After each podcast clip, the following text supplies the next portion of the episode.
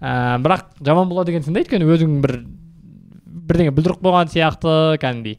Жаман сезімде болады жоқ екен. конечно енді басың аяғыңнан келіп жатыр. сондай Иә, би иә. болды ғой сенің содан сөйтіп сен енді билегенің ештеңе емес одан кейін билеп жүр ғой бәрі.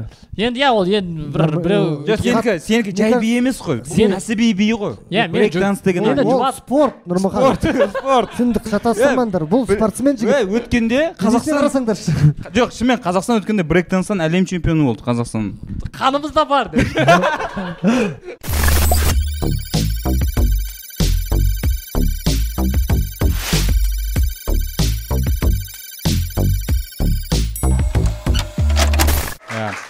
Ә, баршаға сәлем бұл нұрмахан мұханұлы ютуб каналы админ анон подкасты. Қош келіпсіңдер.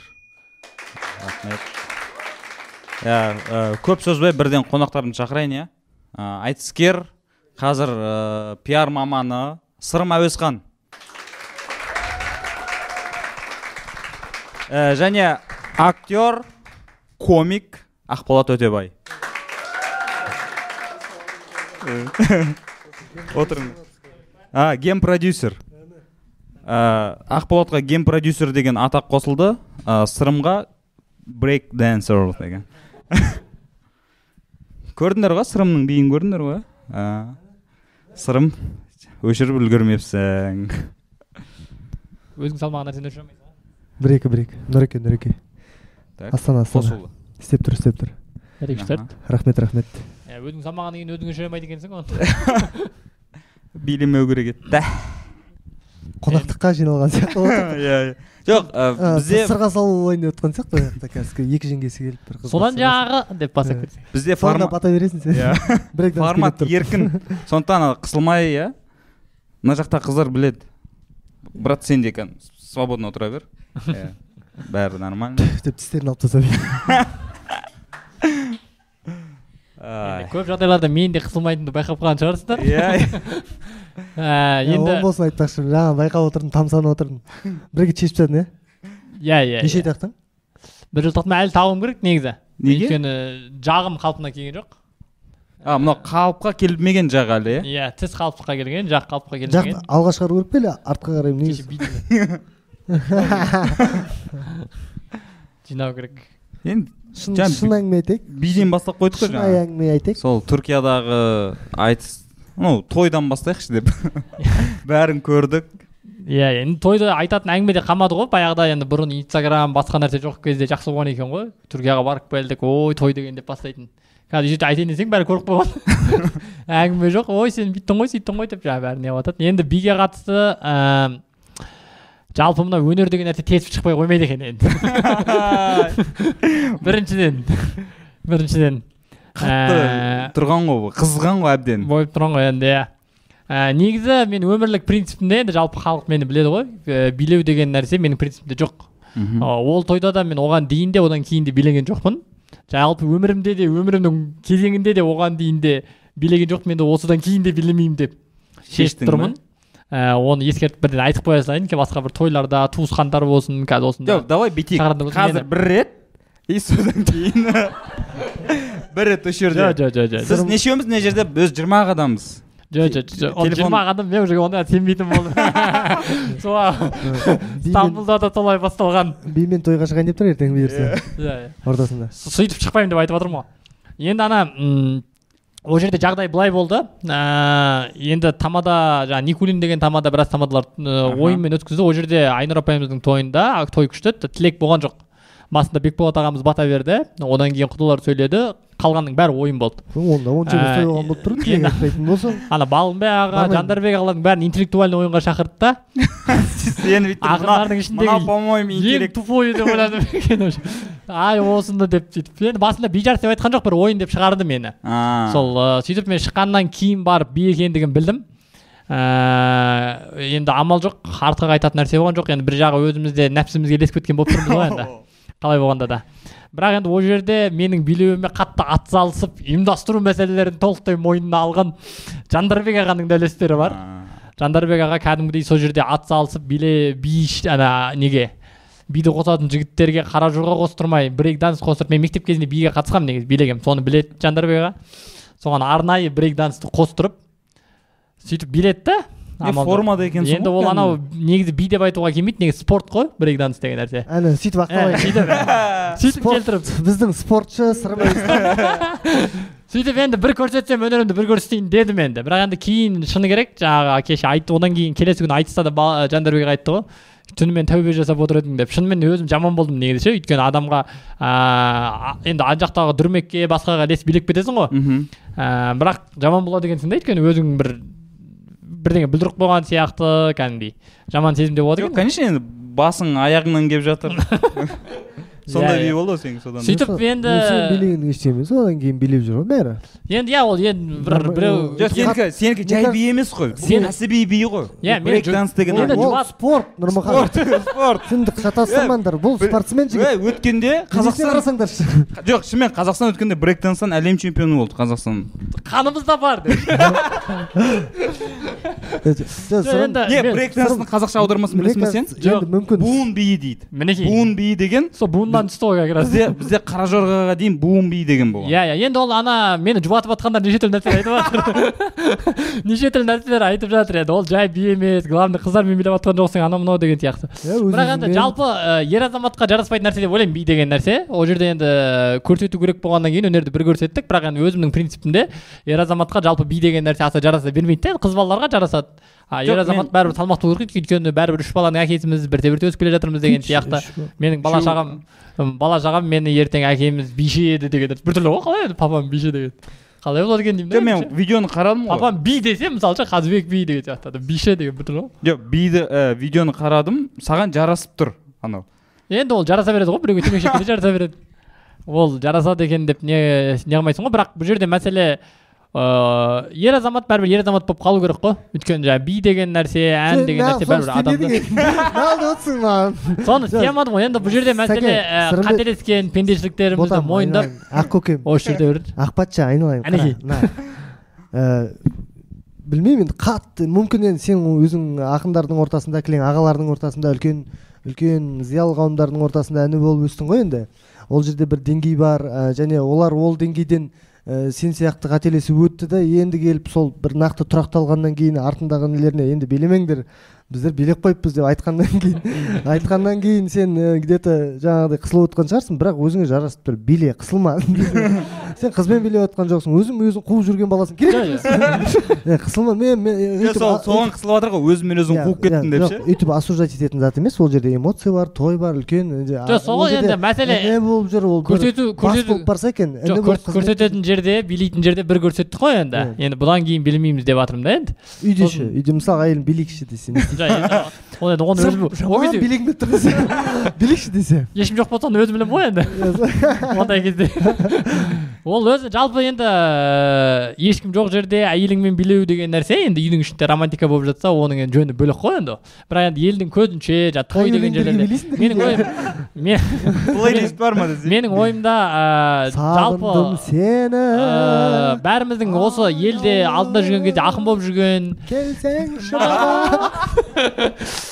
ә, ақын болып жүрген кезде енді өзімізше тұлға болып елдің алдына шығып сіз сияқты жаңағы гейм продюсер болып. Сені алға қоямын мен. Иә иә жүргендегі жүргендегі мақсатымыз әйтеуір елді бір жақсылыққа қарай шақырсақ деп жатырмық қой дұрыс па? Енді қазақстан өзгерсе адамдар бір дұрысырақ болса осы бізді тыңдап жатқан жастар қазір бір жақсы жаққа бұрылса дейміз ғой енді. Сондықтан менің ойымша бірте бірте енді қазір тойлардың түрі көп қой бірте бірте тойларды сол биден гөрі елді қызығырақ болатын елге пайдалырақ болатын нәрсеге ә, ұмтылдырып сол нәрседен үлгі болу керек шығар деп ойлаймын да. Енді ол тойдағы тамадалардың жасаған ойыны сондай болғаннан кейін бір көрсету керек болғаннан кейін бір көрсетті. Бірақ менің жалпы менің принципімде қазақылыққа жақын болу керек деп ойлаймын. Қазақтың тойында қазақ өзі бимен аты шыққан халық емес қой көкпармен айтыспен. Былай жасау керек немен аты шыққан ғой. Былай жасау. Сен биледің халық өтіп кетті жаңағы ешкім сынаған жоқ әйтеуір сынап жатыр ма әлде? Жоқ жоқ жоқ өз өзімді сынап жатырмын иә өз өзің ол да жақсы ғой енді ешкім сынап жатқан жоқ бәрі жаңағыдай қолдап жатыр сегіз қырлы бір сырлы деп күшті жатыр. билейді екенсіңдер деген сияқты комментарий кетіп ой жатыр ырза халық ырза. енді осы биіңді дамытып биіңді дамытып алға сол халықтың алдында үлкен стадионда би кешін жасап сосын ең соңында концерт біткенде ағайын билеуге болмайды. Кетіп қалсаң мысалға несі жаман десең жоқ былай істеуің керек сөйтіп ақтап алады көбісі. потолок көрсету керек басында потолок көрсем- осы шығар деп ойлаймын. Мен бұдан артық потолок жасай алмаймын жігіттер сырым сырым сен менің отырғанда- бар. Полда билемесем артық потолок жоқ Э, анау жаңа айтып отырмын ғой стадионда бүйтіп бейшо бізде вообще шоу бизнеста басында мен өйстіп өзімді көрсетемін деп бастайды ғой өз өзін ақтау ол да мысалға. Бі- біз экранда мысалға нені көрсетеміз ішетін шегетін иіскейтін заттардың барлығын көрсетеміз. Артынан бұл болмайды деген нәрсені көрсетіп жатырық деген нәрсе мысалға. Сол маған ұнамайды мысалы мысалға иә мысалы шекер деген сериал мен анандай мә қазір біреуге тағы бір андай басым бәлеге қалар ма екен? Айт айт камера. Давай. Сол- как раз дорама болып киініп келіпсіз айта беріңізші ол- оларды оларды сұрасаң оларды сұрасаң олар айтады. Жаңағыдай біз болмау иә дұрыс онда идея солай пайда болады иә мысалға біздер пропаганда мына нәрсені көрсеткіміз келді енді где то олай болмай қалады енді ол бірақ Не нефтеву біртүрлі ғой мысалы бір қызды зорлап кетіп қыз зорлауға болмайды екен деп айта алмайсың ғой мысалы да енді. Сондай сияқты бірақ енді қайтеміз енді видишь ә, бұл жерде деген білмеймін енді. Бір бір шегіп келесің ба музыка қойшы билейікші десең бимен мен мен ойымды бимен жеткізсем болады просто айтқым келмей қалды мен біреуге вообще сын пікір айтпаймын деп вообще өзім өмірлік бағанадан бері маған айтып отырсыңдар ғой енді. Саған мен сені ақтап аламын любой время. Сен қазір биші болып кетсең де мысалға қазақи көйлекпен сәукелемен билеп жүрсең де ол қандай қазақылықты көрсетіп жатыр мысалы қарашы деп сырым деп айтамын. Ә, Ә, қазір сондай деңгейге келдім. Просто мен ойлаймын ә, где то ә, тоже абай болу керек экранда не көрсетейін деп жатсың енді біздер де сол жолда жүргеннен кейін өзіміз де ол жолды басып қалуымыз мүмкін болғаннан кейін мен асылық сөйлегім келіп тұрған жоқ алға қарай мен енді бұл кетемін. жерде бір нәрсе айтып жіберсем болады ма? Енді мына жалпы адам баласына қатысты енді осы бір салмақты әңгіменің реті келіп жатқан шығар деп ойлаймын да. Ә, адам баласына қатысты қазір ғылымда зерттеу бойынша мына IQ деген нәрсе сияқты төрт түрлі э, өлшем бірлігі бар екен ғой енді. IQ деген интеллектуалдық өлшем интеллектуалдық деген сияқты. Одан кейін EQ деген бар эмоционалды интеллект деген нәрсе иә. Одан кейін PQ деген бар физикалық интеллект одан кейін SQ деген бар рухани интеллект деген. Яғни адам баласының негізгі жаттай алмаймын мен просто кюді қоса бересің IQ DQ деген бар DQ dance Q. BQ деген сондай негізгі төрт э, өлшем бар ғой. Ол өлшем яғни адам баласының осы төрт э, түрлі сипаты дейміз ба төрт түрлі болмысы дамыған кезде адам алдыға жылжиды дейді да. Сонда э, жалпы физикалық даму деген нәрсе адамда болу керек. Біздің қазақтардың барлығында физикалық даму болмағаннан кейін тойдың үстінде жынды ұқсап билейді бір музыканы өлшеп қарасаң біздің қазақтың тойлары біртүрлі ғой. Былайынан ше бір жіберіп ана энергия жиналып қалады оны билей алмайды энергия шығара алмайды. Бірақ бір тренировкаға бара жатқан қазақ көрмейсің. Бір аптасына аптасына бір рет атқа миніп жатқан жаңағы анау қолдарына бір таяғын қойып бүйтіп тауға шығатын альпинист орыстар болады ғой сондай қазақтар жоқ мысалы да сонда менің жаңағы би деген нәрсені билемеймін деп айтып жатқаным шынымен энергияны шығару керек оған әңгімесі жоқ бірақ соны бір дұрыс мәселеге бір спорттық шараларға атқа міну біз бір ә, әлемге мысалы жапондар қазір ә, қазір соңғы статистика бойынша жапондарда жүзден асқандардың саны 90 мың болыпты әлемде ондай статистика жоқ ресей мысалы ресейдің өзінде жүзден асқандардың саны бір жиырма мыңның айналасында ма сондай ақ жүз елу миллион халқы бар да ресейдің. А жапондарда ол тоқсан мың. Ол неге денсаулықтары мықты деген кезде олар өмірлеріне сондай күнделікті мықты әдеттерді қалыпқа ыыы күнделікті өмірдің әдетіне қалыптастырған да былайша айтқан кезде. Сондықтан бізде енді әйтеуір бізге би деген нәрсе әдет болып қалған ғой тойда билемесе болмайды деген сияқты. Одан да көрі осы физикалық қажеттіліктерімізді пайдалырақ нәрсеге жұмсасақ менің биім соған үлгі болмай ақ қойса деп жатқаным ғой. Содан бастайық бірақ иә? Иә иә. А? Қалай өкет не өкет биден гөрі сол спорт жағына қарай ыңғайланайық жоқ енді ә, жарайды. Ә, сосын сөйтіп бітірейік осы тақырыпты. Иә. Бидің тақырыбы осымен бітсін бірақ ә, одан да көп тараған айтыс болды. Яхтаның үстіндегі ең қымбат айтыс дейді жалпы тарихтағы ше ана жердегі яхта жоқ ол егер жүздеген яхта тігілгенде ол ең қымбат айтыс болатын еді. Ол жердегі айтыстың көрермендердің каждыйының состояниесі. Сосын тігілген приздер состояние былай шайқалып жатқан состояниесі ма ол? Иә жалпы. Яхтаның үстінде. Ә, сен айтысқа шықпағаныңа біраз болды. Ә, бірақ енді байқауымша ну видеодан көргенімдей формада екенсің. Өйткені сенің жаңағыдай видеоларың тарап жүр тоже. Иә енді ол айтыстың формасы деген нәрсе ііі жаңағы айтып жатырмын ғой жаңағы EQ, SQ деген сияқты нәрсе айтып жатырмық қой енді. Ііі бәрібір ойлану жүрген адамға ақыл иесі болып ойланып әр нәрсеге бір ой қорытып жүрген адам әрдайым формада болады. Айтысқа қатысты болсын стендапқа қатысты болсын жалпы ойға қатысты іс шарамен айналысатын адамдар. Ііі сондықтан және мен айтыстан алыстап жүргенде негізгі қазақстанда өтіп жатқан үлкен айтыстарға қатыспағанмен үйде күнде айтыс дейсің ғой. жоқ жылына бір екі рет болса да кейбір айтыстарға шақырулар түсіп тұрады кішігірім. Сондайларға қатысып тұрамын. Мысалы жақында мысалы қырғызстанға барып қырғызстанның ең мықты ақыны бар жеңішбек деген нөмір один ақыны. Сонымен айтысып кәдімгідей қайтарып бетінде қойсаң да сөйтіп келдім енді ол жердегі айтыс ә, яхтадағы айтыс өзі аяқ асты өтті бірақ ә, былайынша жақсы өткен сияқты ұнады ғой көрдіңдер ғой иә көрдіңдер ма көрмегендер бар ма көңіл үшін сен көрмеген сияқтысың көрмедің иә жалпы көңіл үшін жабылып ссылкасын жіберші видеосын темаға кіріп отырсың яхтада айтыс қызық болды енді ақболат мырза не деп жатыр яхтадағы айтыс бір көріп алайын деп отыр ғой шұламан сырмай сөйлей бер. Қазір анау кім? Бұл кісі ертең ә, назар аудардың жеке алғашқы үлкен ә, толық метражды киносын түсірілім басталады. Сонымен басы қатып отыр негізі. Уайым. Осыған дейін сценарий жазған соны шаршап келіп отыр көріп отырсыздар ғой. Уайым е жоқ. Мынандай ситуация болды мына фильм басталады дегеннен кейін түрінің өзі фильм болып тұр кәдімгідей ше дорама ондайды өлтіреміз ғой мынау кинодағы образың иә сенің сондай қыламыз деді ә, сосын шашын бояп тастады айтпақшы мен шаш боямайтын едім ағарған еді ғой. Мм білесіз ғой. Би нормальный екен ғой деп ше Мені- соны бояды ғой бүгін. Соны өзім үйрене алмай бүйтіп бүйтіп қарап қойып. Одан кейін ә, мына фильмнің айналасында бастап білесің ғой енді қазақша мұсылманша бисмилля деп бастап ниеттеніп жақсы дүниені берейік.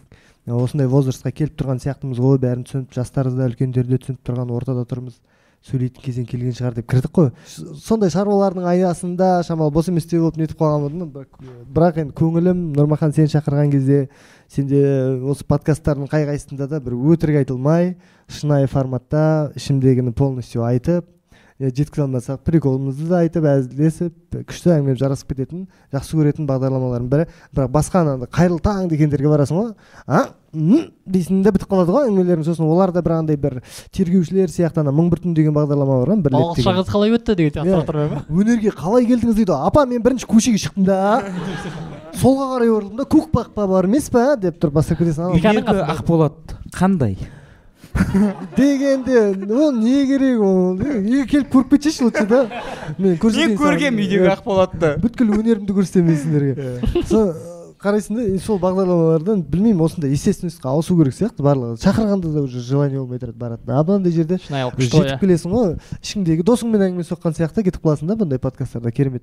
енді кино не туралы былай шет жағасын айтып жіберсей бастай береміз ол туралы айта береміз ба мынандай болып тұр ә, біздер енді қазір өзім үйленіп үй болып жан жағымыз түсінгеннен кейін ә, бір период болды әйеліммен қатты дос болып кеткен ә, андай бір үлкен махаббаттың есігін ашқан кезеңдер болмай ма? Екінші рет. Ә, сол периодтарда бір сегіз сағаттай әңгіме соғатын кезеңдер болды. Секундомерді қойып қойып па? Жоқ мен ана қарайсың ғой сағат неше болған? Мә жеті болып қалыпты ғой ұйықтайық деген сияқты таңғы да. Кешке балдар бүйтіп бүйтіп шаршап әртүрлі коридорда біреу залда біреу спальныйда әртүрлі жерде ұйықтап қалып жатады и соңында әңгімеміз жарасып түсініп и осы кайфты осы гамманы түсінбей жатқан қанша отбасылар бар ә, деген сияқты ойлар келді да и әйелім лақтырды бұл идеяны а неге осы туралы фильм неге түсірмеске и құдай өзі маған андай қылып жіберген сияқты осы жолды өте оңай қылып жіберді Ә, сол идея келді мен сценаристтермен бұрыннан ұлы дала комедиясын жазған саид деген ағамыз бар ә, шейх исламұлы. Және азамат аленов деген біздің команданың капитаны өте ә, талапты бастық болатын таза азамат жігіт. Соған осы идеямды алып бардым екеуіне екеуі күштетіп кигізді. Осы менің айтқан идеямды олар мен танымайтындай қылып гүлдендірді суын құйып кәдімгідей жапырақтары шығып күшті болып тұр қазір жайқалып ертең шабып алу керек болып тұр сон енді осы ә, семейный бытовойка өзіміз түсініп тұрған нәрсе біз өзіміз түсінбей тұрған мен саясат туралы өзім түсінбей тұрған әлемнің тағы бірдеңесі туралы мен кино түсіре алмаймыз. Біз өзіміз нақты түсініп тұрған және көбісінен дұрыс форматта ойлап тұрған ә, решениесін тауып тұрған жерлеріміз біреуге айтамыз ғой енді осындай ситуация болды деген кезде ол содан бізден үлкен адамдар сабақ алып жатқан кезде а мынау туралы айтатын зат екен ғой деп жалпы семейный бытовой біздің өзіміз назар аударда осы семейный быттың айналасындағы юморлар жақсы жеткіземіз ғой біздер әйтеуір шүкір. Халыққа ұнайтын жері сол шығар деп ойлаймын. И сол форматта кетіп бара жатыр алла нәсіп етсе ертең старт мотор болайын деп тұр. Уайым бар. Дұға тілектеріңіз керек. Мынау біздің назар аудардың назар аудардың концертында мен ана соңғы комментарийлерін оқимын. Сол кезде деген жетпіс сексен пайыз алла разы болсын осы балдар әйтеуір өнерлеріңіз үстем болсын. Ә, біраз сендер арқылы біраз үйдегі әңгімелерімізді айтып қалдық. Ә, шешілмей тұрған проблемалар сендер шешіп бергендей болып тұрсыңдар. Осы қойылымды көргенде әке шешемізге көрсеттік олар да бірдеңе деп. Соңғы концертіміздің астында сондай пікірлер бар. Сендер кино түсірсеңдер деп біздер бастан аяқ бір қойылым қойдық қой. Кино түсірсең негізі біздер мына театр болуымызға да халық себепкер болды. И одан кейін алан қалаумен ғой енді. Одан кейін мына фильмға келуімізге де осы біздің ә, көрермендер концертке барған кезде енді сендер кино түсірсеңдерші деп көп естиміз. Ана квн мен жүрген кезде театр болсаңдаршы дейді енді театр болғаннан кейін кино түсірсеңдерші дейді. Значит у нас получается халыққа ұнап тұр біздің продукт ә, біздің ойымыз позициямыз ұнап тұрса Бәрекелді. ә, көрермендерін табады деп ойлаймын алла нәсіп етсе. Қалай? Күшті. Продюсер сияқты тастадым да? Ультремтегі ана пресс конференцияда сөйлейді ғой тура сондай болды. Шамалы ауырып тұрған бір жанып келемін ғазиз болғанда ғазиз болғанда ғазиз келе алмай қалыпты бүгін сырым күшті сөйлеп жатыр тыңдап отыра бересің. Иә бокс көрдіңдер ма бүгін? Ойбай шет жағасын көрдік. Шет жағасын. Ана біткен кезін ба? Кім көрді бокс? Шапалақ ұрсаң маған. жаңа айтып отырмын ғой бізде соңғы бір апта қатты елімізде тарихи сәттер көп болып кетті да үлкен оқиғалар иә иә үлкен оқиғалар ыыы бүгін мысалы үшін бүгін жаңағы головкиннің Шайқасы. бойы жекпе жегі и жеңілісі былайша айтқанда. Меніңше ол уже трилогия деді ғой енді бітті. Иә иә иә. То есть екеуінің арасында енді вряд ли болады. Арасы жақсы емес иә. А, одан үш күн бұрын ә, астанамыз астана ол болды да трилогия болды ғой. Иә ол да. Трилогиялар бітіп жатқан иә бітіп жатыр ә, түрлі оқиғалар болып жатыр. Иә соған қатысты бізде енді қоғамда ә, былай қалай айтсам болады жікке бөліну бар. Екіге бөліну бар. Екі меніңше аз ол. А сондай иә жан жаққа бүйтіп тартып жатқандар бар. Енді сол жайлы сендердің ойларың білгім келіп жатыр да. Осы мынау оқиғаларға байланысты біз қалай не істеуіміз керек? Қоғам ақ болат ағаның шаш сияқты болып тұр ғой қазір. чуть чуть боялған и бүйтіп екіге қайырылып отыр ма? оны қыдырәліге айтыңдар сен қыдырәлінің ізбасары болып тұрсың ғой получается. Басармыз басармыз ол кісінің жеткен деңгейлерін бағындырсақ онда жаман емес қой. Жан жағымызға пайдалы боламыз ғой. Иә иә иә. Жаңағы мен анау енді хабарым жоқ боксты қараймын иә жақсы геннадий танимын. Жақсы жігіт молодец. Мынау жаңағы ер шегіспей бекіспейді дейді бүгін төлесіп қалыпты. Сол бойдың соңында екеуі құшақтасып жатыр енді. Жақсы аралары жақсы болып кетсін. Мен басқа пікір айта алмаймын. Ол жерде мен зерттеген затым емес. Астана деген ә, қалай өзгеріп жатыр? Маған екеуі де ұнай береді маған ешқандай разница жоқ. Просто өздері алды да біз не керек екенін де сөйтіп білмейтін сияқтымыз да халыққа бәрібір сияқты назар жаңағы назардар деп қойып тастасаң бір күн астананың атын «Жо, нұр сұлтан болып тұрды бәрі жартысы былай болды енді нұр сұлтанды астанаға ауыстырып еді сол тұра берген жақсы еді ғой деді да енді білмеймін тұрақталу керек сияқты негізі ода тұрған аты жоқ жаңа айтып жатқандай одан да павлодардың атын өзгертпей ма деген сияқты петропавл бар көп қой өзгертетін заттар ол айналысатын нәрсе емес сияқты данный момент уақыт жоғалту бюджет жоғалту сияқты мне кажется менің пікірім сондай сырт көзден бір енді бұл мәселеде аты ауысып жатыр ғой. Енді шынымен де көп ауыстыруларды одан сыртқы нәрсесінен емес не ішкі дүниеден бастау керек шығар деген әңгіме ғой. Айналып келген кезде оның аты ауысқаннан кімге пайда болып жатыр кімге зиян болып жатыр деген сияқты.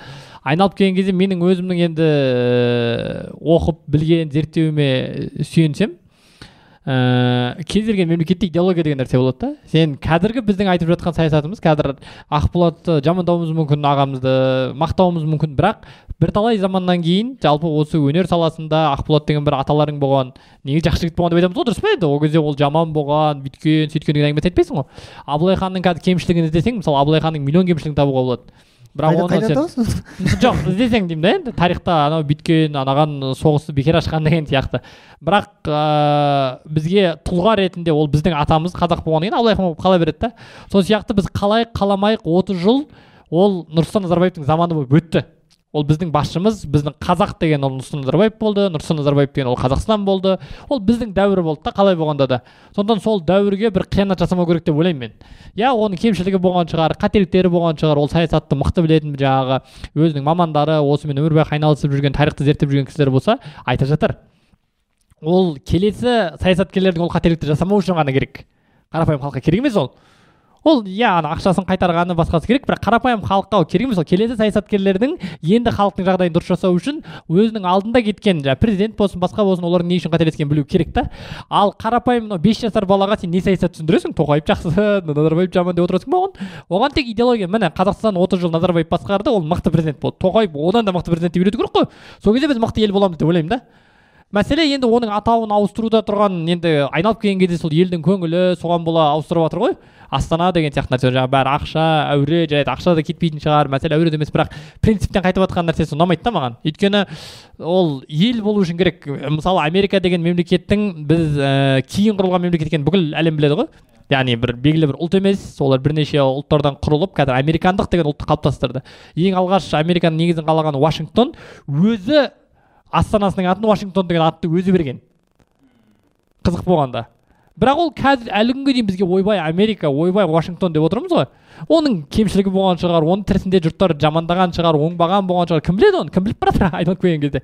Бірақ америка деген сияқты елдің тарихын қалыптастыруға еңбегі сіңді олар оны ә, кәдімгідей идеология қылып ұстанып жатыр ма? Болды. Мәселе сода да олар тіпті гитлерге дейін немесе небір жаман адамдарға дейін адамдар өздерінің тарихы сияқты қарайды да ол бізге ол гитлер болуы мүмкін немістер оны мақтануы мүмкін ғой айналып келген кезде. Сондықтан менің ойымша жеке адамдардың ыыы өкпесі реніш болса немесе бір тарихи кемшіліктері болса жазып кетсін көрсетсін. Кейінгі саясаткерлер ол қателікті қайталамасын. Бірақ мемлекетке қиянат жасамау керек та өйткені мемлекет деген нәрсенің 30 жыл қазақстан ол назарбаев айналып келген кезде.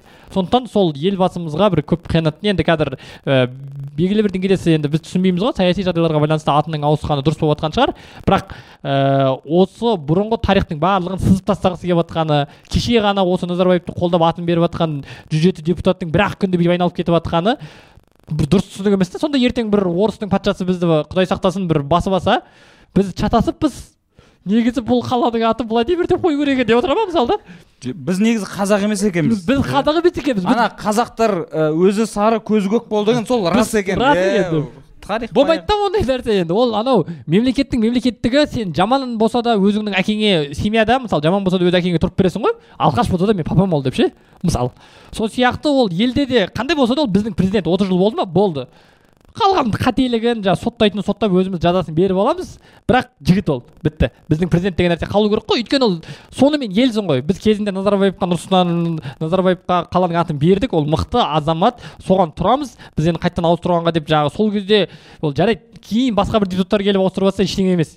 Бірақ сол кездегі депутаттарға не жоқ деймін да енді. Тұрмай ма бірдеңенің соңына дейін да? Енді мен бір қазір бір үлкен кісілерді бір жамандаған сияқты мемлекетке қарсы шыққан сияқты болып көрініп жатқан шығармын. Жоқ сондай болып тұрсың иә. Бірақ артын бимен жауып жібересің ғой.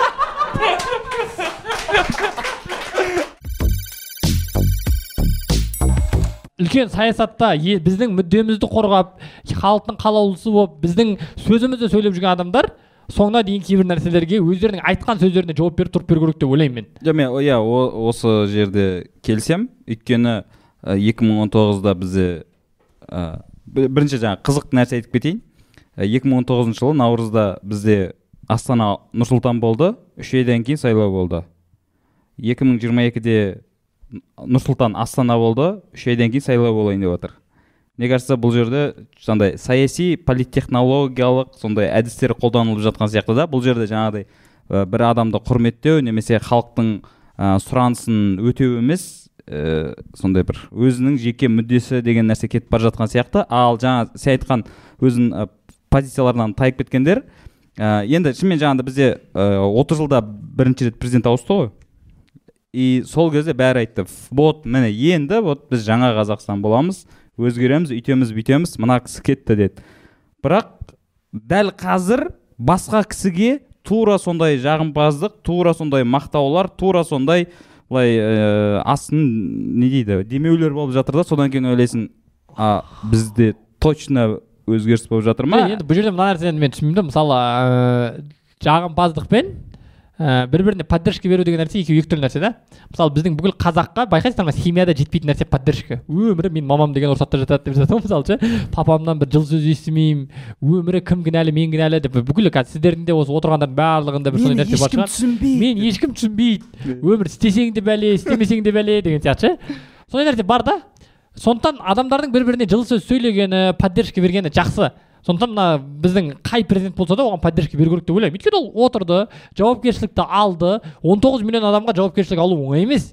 Ол түгіл екі адамға жауапкершілік алу оңай емес та. Ол отыз алды ма жауап оған поддержка беру керек. Ол мақтап жағымпаздану деген сөз емес. Екі адам деп не айтып отырсың? Жоқ мысалы деп жатқаным ғой Э, Мысалға сондықтан оған поддержка қолдау көрсету керек та. қолдау көрсету керек. А бірақ енді көрініп тұрған нәрсе ғой енді жаңағындай позицияға тұрмау деген нәрсе. Бұл жерде жаңағындай атын ауыстырған дұрыс шығар. Ешкім әңгімесі жоқ. Нұрсұлтанның қайтадан астанаға ауысқаны ол саяси шешім ретінде халық қалап жатқан шығар. Бәлкім енді біз түсінбей жатқан шығармыз. Немесе бір бізге ұнамағанмен көпшілік халыққа ұнап жатқан шығар. Немесе бір саяси шешімдермен болу керек болған шығар. Ода проблема жоқ. Мәселе жекелеген адамдардың сол заманда болған депутаттардың жүз пайыз көзбе көз былай ауысып жатқаны дұрыс емес та. Өйткені біздің алдымыздағы ағалар ғой біздің балаларды біз ей міне үлгі деп көрсетейін деп тұрық қой біздің мемлекетпіз мемлекет болған кезде біздің мынандай депутаттарымыз бар деген кезде міне біздің жігіттер мықты до конца тұрып береді деп айтатын адамдар болу керек қой үлгі көрсететін адамдарымыз. Мынаған еліктеме дейтін болсақ анаған еліктеме мыналар қуып жатыр мыналар сөзінде тұра алмайды десек сонда не болды сонда? Не ел боламыз сонда? Қазақтың дамығандардың барлығы шетелге көшіп кете ма? Не болады маған вообще бұл ұнап тұрған нәрсесі бар да үш жылда өзгеріп жатыр ғой. Үш жыл сайын ы, астананың атын бір шалға беретін болса деген менде бірте бірте ма? Иә маған да кезек келіп қалатын шығар деген сондай не болып тұрады талғат болса астана қаласының аты. А, мен енді ол жағынан пікір көп айтты. Жаңағы ғой ойым сол. Мен мысалы үшін егер назар аудардың жігіттері бірнеше жылдан кейін назар аударының аты ақболат болады десе болсын десе. Ә, білмеймін ғазиз ұсынса деп. Сосын ғазиз ы, геймпродюсер болады да жоқ назар аударды қайтарады. Мейлі. Көрсін. Ә, сол жаңағы мен саясат туралы айта алмаймын вообще. білмеймін мен. Мен қызық емес маған бар ғой. Мен елім аман жұрт- жұртымыз тыныш жұмыс жасалып жатыр. Мен отбасыма тәрбие беруге тырысып жатырмын. Отан отбасынан басталады. Мен одан артық әңгіме айта алмаймын. Ыыы енді иә где то көзқарастарымыз бар. Мен ойлаймын неге жаңа айтып жатсың ғой сенімсіз деп та. Мен дұрыс деп тұрған бүгінгі пікірім ертең өзім пікіріме өзім қарсы шығатын кезеңдер болды болады ол әркімде. Мысалға уверен тұрасың мына жерде мысалы күні кеше осы жас бала болған кезде е ондай балалардың жағын сындырып тастау керек деп айтып тұрғаннан кейін бір определенный жылдар өткеннен кейін «Е, енді кешіресің қайтесің білмей тұр ғой деген сияқты пікірге келесің. Одан кейін оларды деген соттау керек деген пікірге келесің ба құдай біледі короче ақболат ағаны депутат қылып сайламау керек. Мен ол жаққа тырыспаймын да мүмкін енді өздері шақырып қоймай жатса. Ойланамын өйтіп конкретно айтпаймын қараңдар енді өздерің істеп қарайсыңдар былай істейсіңдер өздерің білесіңдер но жоқ самое нұр сұлтан болсын ба? Енді нұр сұлтан болсын десем нұр сұлтан болады е, үш жылдан кейін. Астана? Хорошо астана болса астана. Өмірде өзіңе қарсы шығып кететін Иә, кездер болады. болады ондай иә біздің халықта мен сияқты болып отыр ма? Маған самое әйтеуір. Ба- бас аман болсын ел аман болсын. Айналып келгенде сол ғой ел аман жұрт тыныш болсын. Ол шынымен де сондай да енді ол жаңағы айналып келгенде әркімнің өзінің абыройы ғой. Одан ештеңе өзгеріп кетпейді шынымен жаңағы ақболат айтып отқан нәрсе үлкен мәселе да алла разы болсын. Нұрсұлтан ағамызға да алла разы болсын қасым жомарт ағамызға да алла разы болсын. Ата де осы иә аталарымызға. Қалай аға деп келіп десе? Иә, аталарымызға алла разы болсын. Өйткені шынымен енді ең басты нәрсе елде болу керек нәрсе тыныштық бар. Иә. Айналып келген кезде тыныштық бар тұрақтылық бар әйтеуір бірдеңені жоспарлап жұмыс істеп жатырық қой.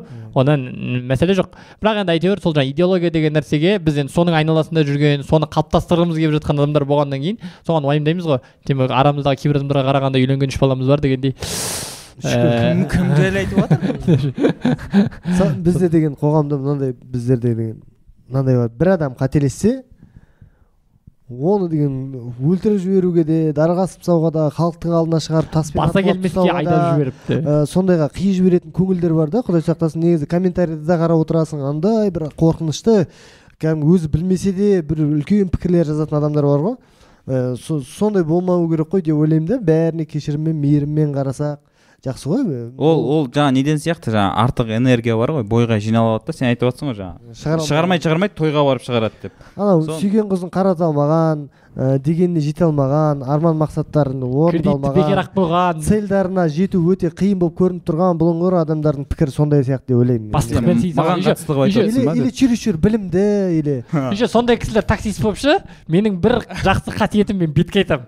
А бетке айтқан адам еш жерге сыймайды деп постоянно әңгімелеп Э, ғой вот вот это На- назарбаев вот это мен айтамын вот это жеп жатыр жеп жатыр орал таксисттер сондай да білмейді өзі істеймен жүр вот мен айтамын что назарбаев позволь бәріне жеуге да вот айтамын вот трамптың қателігі деп Вот басқару керек қой вот грамота да қарау керек да осы ситуацияға дейді ол өзің үйдегі шаруа шешіп жатқан сияқты негізі бәрін путин істеп отыр негізі по любому вот қараймыз путин қараймыз путин қараймыз че то ары қарай что айтады ой друг мына молодец а қалай бұл давайте ух давай ребят ух.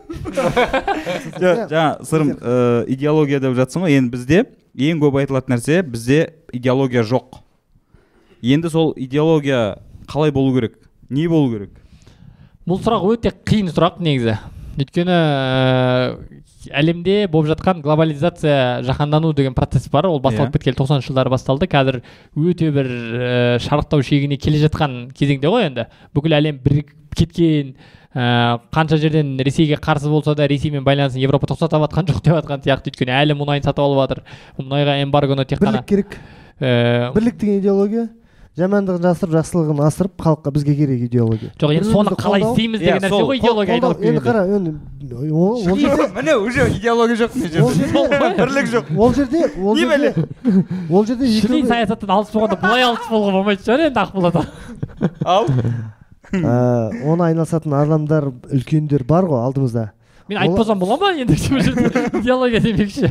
А давай давай. Иә мен айтып бірлікті мен оянып кеттім ба жоқ бірлікті ә, дұрыс формуласымен жаңа сен сұрағың ойланып бірлік негізі адамдардың бір бірін соңынан дейін тыңдауынан басталмай ма деп қоямын да жоқ десең. Е, дұрыс дұрыс давай сәке айыпқа бұйырма кешірім сұраймын қанша теңге қарызбын айтшы маған каспиға салып жібересіз А, жоқ демейді керек емес демейді. Каспиға салып жібересің жоқ бірлік деген болған ғой енді. Кешірдің ба ой кешіремін ғой конечно идеология бар ғой бізде. Мен де сен билегеніңді Ә, кешіріп мен айтқым келіп отқаны әлем бір бірімен қатты тығыз байланысты болып қалды ғой. Қазір мысалы тәуелді. Иә он алтыншы он жетінші ғасырлардағы тарихтарға қарасаңыз ол кезде мысалы сен бір елдің патшасы болсаң еліңді ана жаудан қорғадың жоңғардан қорғадың қытаймен келістің ресейден келістің. Сөйттің де елдің бәрін ортаға жинап қоясың да бітті. Идеология. Билер бар жаңағы батырлар бар ақындар бар. Бастай бересің балалардың бәрі тәрбиесі кетіп жатыр мына жақта жеңгелер жұмыс істеп жатыр басқа басқа деген сияқты ше. Қазір сен мың жерден шекараңды бекітіп қойсаң да сенің ютубыңа бір басқа бір мемлекеттің бір видеолары келіп сен балаңды тәрбиелей береді да мысалы айтюб келе жатыр ғой айтубқа кіретін қанша бала бар енді яғни сен сол медиа саласында күресуің керек та. Сол жерде идеологияңды мықты жасап солардан мықты сапалы әрі қызықты және идеологияға толы нәрсені жасап қана жеңбесең басқа вариант жоқ. А онда жаңа бірлік деген нәрсе осы жерде келеді ғой. Енді осы жерде біз идеологияны жасау үшін не нәрсеге бірігеміз деген нәрсе бар да. Өйткені барлығы иә бірлік керек екенін біледі. Барлығы қазаққа мықты идеология керек екенін біледі. Бірақ әркімнің бірлік пен идеология туралы көзқарасы басқаша. Проблема осыда да. Біреу мысалы ыыы мұсылманшылықта біріккісі келеді. Біреу тәңіршілдікте біріккісі келеді. Біреу қазақылықта біріккісі келеді. Біреу европалықта біріккісі келеді. Енді осының бәрін қалай біріктіресің? Енді бұл жерде ііі қасым жомарт тоқаев мырзаның біздің атамыздың президентіміздің айтқан жаңағы әртүрлі көзқарас бір мүдде деп айтып жатыр ғой қазір. Сол нәрсеге тоқтаймыз айналып келген кезде. Өйткені шынымен де ә, адамдар өмір соған келе жатыр көп адамдардың жаңағы біраздан кейін сол ә, ініңді кешіресің деп жатыр ғой жаңағы ақболат ағамыз. Сол сияқты адамдардың әртүрлі болғанына көзіміз үйреніп құлағымыз үйреніп бойымыз үйреніп жатыр да енді. Әрбір ә, басқаша көзқарастағы адаммен араласа беруге үйреніп қалдық қазір айналып келген кезде. Ал идеология деген нәрседе біз кім болғымыз келгенін нақты шешіп алуымыз керек та? Қазақ деген кім? Оның не артықшылығы бар? Не кемшілігі бар деген сияқты нәрсені. Енді ғалымдардың зерттеуіне қарағанда қазақ халқының негізі үш артықшылығы бар екен. Социолог психологтардың зерттеуіне қарағанда мен енді осы нәрсеге кішкене ізденіп жүрмін ғой.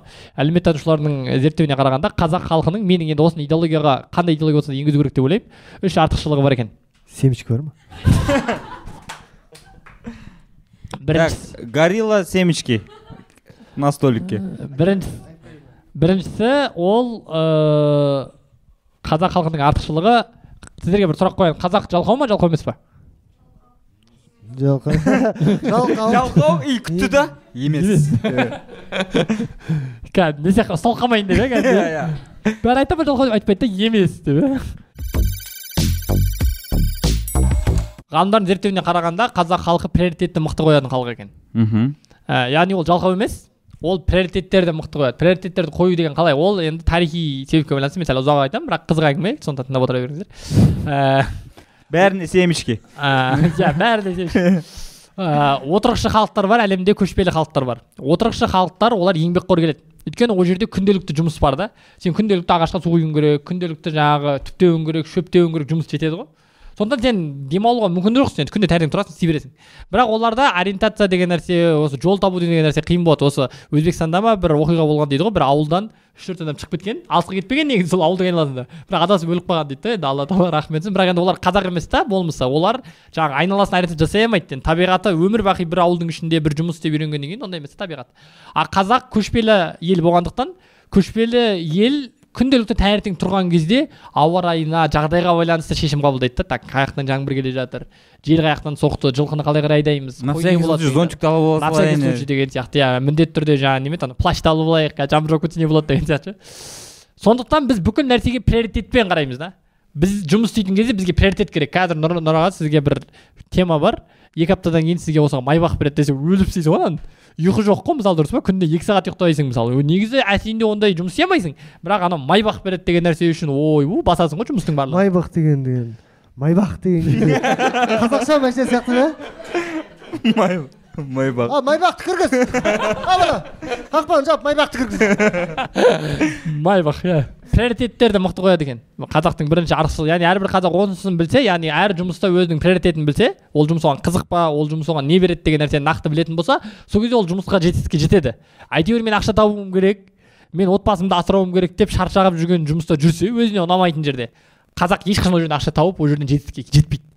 Сондықтан біздің әлемдегі қазір жетістікке жетіп жатқан жаңағы нұрлан сабуровтар жаңағы димаш құдайбергеновтер э, геннадий головкин ол қазаққа жата береді ғой иә геннадий головкин бар барлық сол қазақтың мықты жігіттердің барлығы өзіне ұнайтын іспен айналысып жатқандар да приоритеті бар жігіттер да біріншіден ә, екінші жақсы қасиеті ол ә, социальный связи яғни әлеуметтік байланыстар дейді коммуникация. Коммуникация. Қазақтар ә, туысқан түгілі класстастарымен қыз алыспайтын деңгейге кетіп қалады ғой.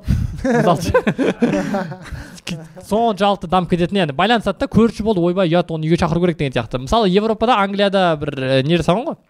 Ә, елден сұрағанда сұхбат жасаған опрос жасаған. Сол кезде ә, сізге ең жақын адам кім деген сұраққа олар бірінші өзім одан кейін итім одан кейін әйелім сосын барып кеткен ары қарай спискте сөйтіп жасаған да иттен бастаған да әңгімені. Ол жақтарда адамдар бір бірімен араласу үшін арнайы нетворкинг деген нәрсені ойлап тауып сол нәрсені жасайды. Өйткені олар араласпайды. Шынымен сіздер европада шетелде болған болсаңыздар адамдар бір бірімен араласпайды. Ол проблема кәдімгідей. Тіпті бір бірлерімен үйленіп келісімшартқа отырып аптасына бір рет кездесіп бір рет түнеп одан кейін жан жаққа кетіп қалатын семьялар бар да. Болды да араласпайды да. Әйелі мен күйеуі бірақ екеуі екі жақта жүре береді. Қандай керемет. жақсы екен десе түртіп қоятын. А, бізде барлығымен байланыстар бар ғой. Негізі ол үлкен береке. Әдейі жаман адамдар мынандай ә, не шығарған ғой? Мақал. Казахи бедные потому что у них много родственников Мм. негізі казахи богатые потому что у них много родственников. Өйткені олар сол туысқандарымен жақсы араласқаннан кейін бір біріне көмектесіп бір бірлерін тартып бір бірлеріне болысқаннан кейін дамып жатыр да. О, дұрыс формулада дұрыс формулада иә андай болса. егер андай әлбетте лайықты емес жерлерге сыбайластық жасаған нәрсе жақсы емес. Бірақ дұрыс нәрсе бізде керісінше ғой анау жұмысқа туысқандықты а туысқандардың арасында жұмыстың ә, қарым қатынасын пайдаланады ғой екеуінің орнын ауыстырып жүрген ғой. Егер дұрыс пайдаланса ол өте адамды өсіретін нәрсе. Және соңғысы үшіншісі қазақтың мықты қасиеті ол мәмілегерлік екен. Дипломатия бір бірлерін келістіру. Бүкіл қазақтың аты шығатын жері шетелде кез келген жерде бір екі ұлттың өкілі төбелесіп жатса екеуін татуластыратын қазақ болады. Тіпті кешегі нұрсұлтан әбішұлы назарбаевтың да атында шыққаны сол ердоған мен жаңағы кімді путинді иә по-моему ердоған мен Мгм. путинді татуластырып путин танымай қалған қиын екен оны қазір әлемнің біразы танымай жатыр негізі мен ғана емес. Мен трендтемін ол өз өзін танымай қалған өз өзін де танымай қалған болуы мүмкін иә. Ііі, осындай үш қасиеті бар екен да енді біздің идеология деген кезде осы үш қасиетті дамыту керек деп ойлаймын. Өйткені қазақтың қолынан келетін үш нәрсе да мықты. Шынымен кез келген адам екі адамды қазақ татуластыра алады. Шынымен әрбір қазақ мықты приоритет қоя алады. Шынымен әрбір қазақ осы адамдармен жақсы байланыс жасай алады. Сондықтан осы нәрсесін мықты пайдаланып жатқандар әлемде жаңағы трамптың көмекшісі болғанға дейін кетіп жатыр да қазақтар. Жетістікке жетіп жатыр. Бізге енді біз өзіміздің елімізде жүріп осыны елге насихаттай алмай жатырмық та. Қазақтың осы мықты қасиетін айналып келген кезде. Бізге әйтеуір қазақылық деген кезде міндетті түрде бір он жетінші ғасырдағы киіз үй бір жылқыны не істеп жатқан деген нәрсе ол дұрыс оның барлығы жақсы қасиеттер ол жылқыға басқаға жақын болу керек шығар. Бірақ күнделікті өмірде 21 бірінші ғасырда пайдаланылуға болатын қазақтың мықты плюстары не деген сұраққа жауап болу керек қой? Соны насихаттау идеология деп ойлаймын мен. Соның жауабы осы үш сұрақ. Оны әлеуметтанушылар зерттеп тастаған. Жауабы осы. Енді осыны жеткізу осыған мультиктер түсіру кино түсіру халыққа осы үш қасиетті сіңіру идеология болатын еді деп ойлаймын да. Келіспеймін десе.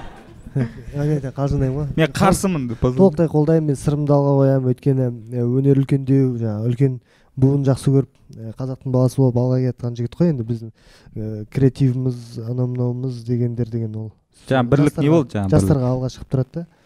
Бірақ сырымды алға қоямыз ғой. Жақсы күшті дамып келе жатсың ғой. Өсіп елдің алдында сөйлейтін деңгейде алла нәсіп сондай болатын шығарсың деп ойлаймын мен. Сондай елдің алдындағы үлкен ағалар биді қойып дейсіз ғой биді қой құрсын болды. Жоқ, ұят болады короче бүйтесің сөйлеп келе жатасың. Антракт дейсің да би и дальше сөйлеп кете бер иә. Жоқ кішкене іш- ол кезде халық андай шыдамсыз болады ғой кішкене. Билеу керек болады по любому мынандай ә, мен енді пікірім жалпы идеология туралы. Мен ұзақ сөйлемеймін сөйлемеуге тырысайын. Аз сөйлеу де өнер болып қалды ғой қазір. Сөйлемеудің өзі өнер. 15 секундтық па? Иә мен түсінгенім ә, сырымның сөзіне түсінгенің. Ә, сырым сөзінен түсінгенім. Түсінгеніңді айтып бер өз сөзіңмен. Бірінші IQ деген болады екен. Ол IT деген болады екен. Ол айнұр тұрсынбаеваның тойы. Сосын BT деген би мен де ә, идеологияға келген кезде отан отбасынан ба- басталады деп айтылды ғой бізге айтылды. Өзіміздің ә, жаңағы ата бабамыздың айтып кеткен бізге берілген зерттеп бізді толық мына ә, бүткіл днкмызды түгел не қасиетіміз бар қазақты соның бәрін зерттеп отан отбасынан басталады. Үлкен теңге тиыннан құралады деген сияқты нәрсені айтып кетті. Яғни біздер әркім өзі ә, қоғамға зиян тигізбейтін бала тәрбиелеу минимум. Пайдалы уже халыққа елге пайдалы. Минимум қоғамға зиян тигізбейтін бала тәрбиелеу ол значит сен уже где то елге зиян тиіп жатқан жоқ ол уже пайдалы. Ә, одан кейін енді ол пайдасын тигізетін или мықты бір чиновник мықты саясаткер ә, құдайдан қорқатын жемейтін еліне пайдасы тиетін азамат етіп тәрбиелесең ол одан да жақсы. Сен бір адамды тәрбиелейсің сен ол жүз адамға жақсылық жасайтын болса деген сияқты. Сол себепті мен ойлаймын ә, бірінші отбасымызға мән беру керек. Именно осы ағайын туысқандық қатынас сол сол біздің ә, өсіретін нәрсе сол сияқты. Бізде ә, лидер жоқ. Просто мен сізге айтайын ел емес облыс емес.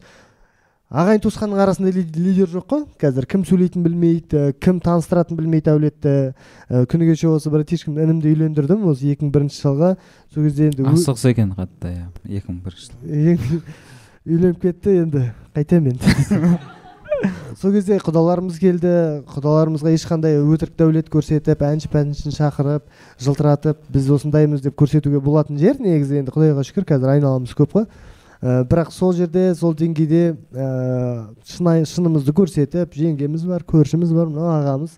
Мынау осылай осылай бүткіл әулетті дұрыстап таныстырып негізгі көңіліміз осындай үйдегі атмосфера осындай.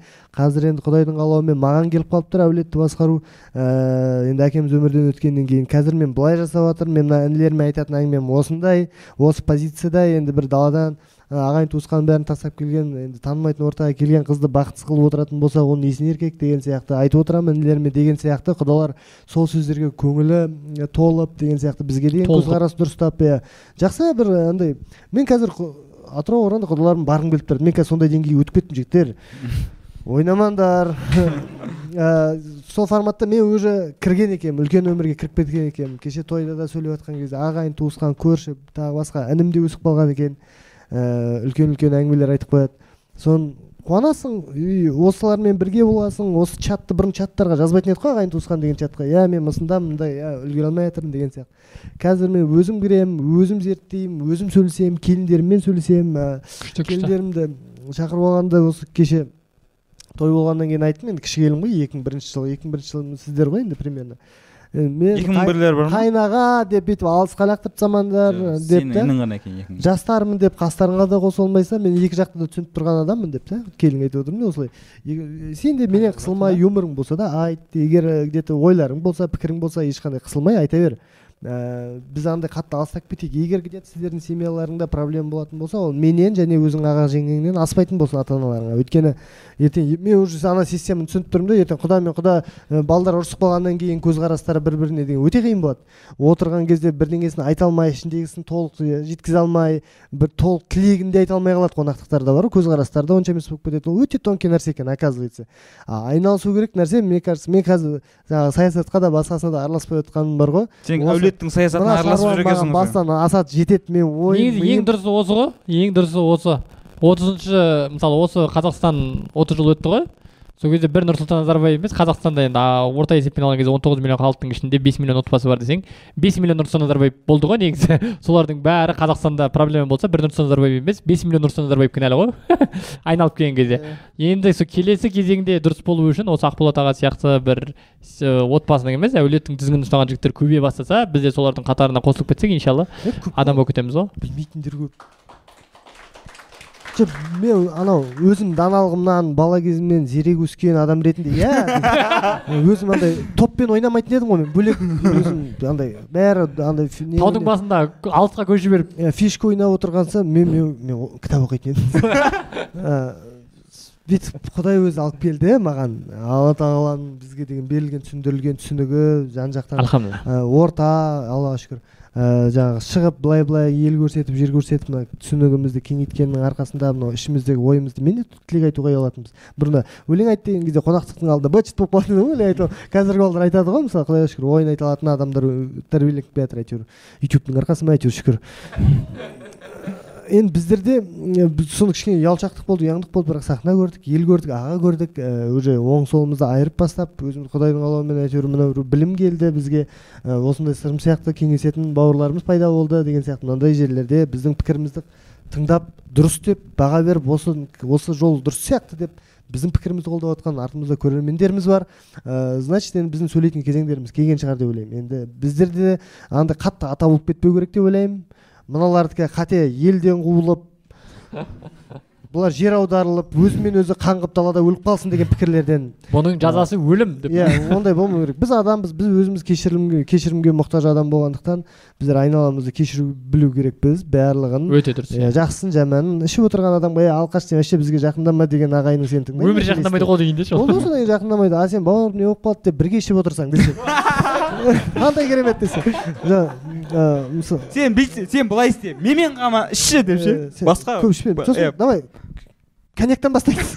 Э, соны айтсаңыз бауырым не жағдай осыны сенің осындай деңгейге жетуіңе не себеп болып тұр? Мен қалай пайдалы бола аламын?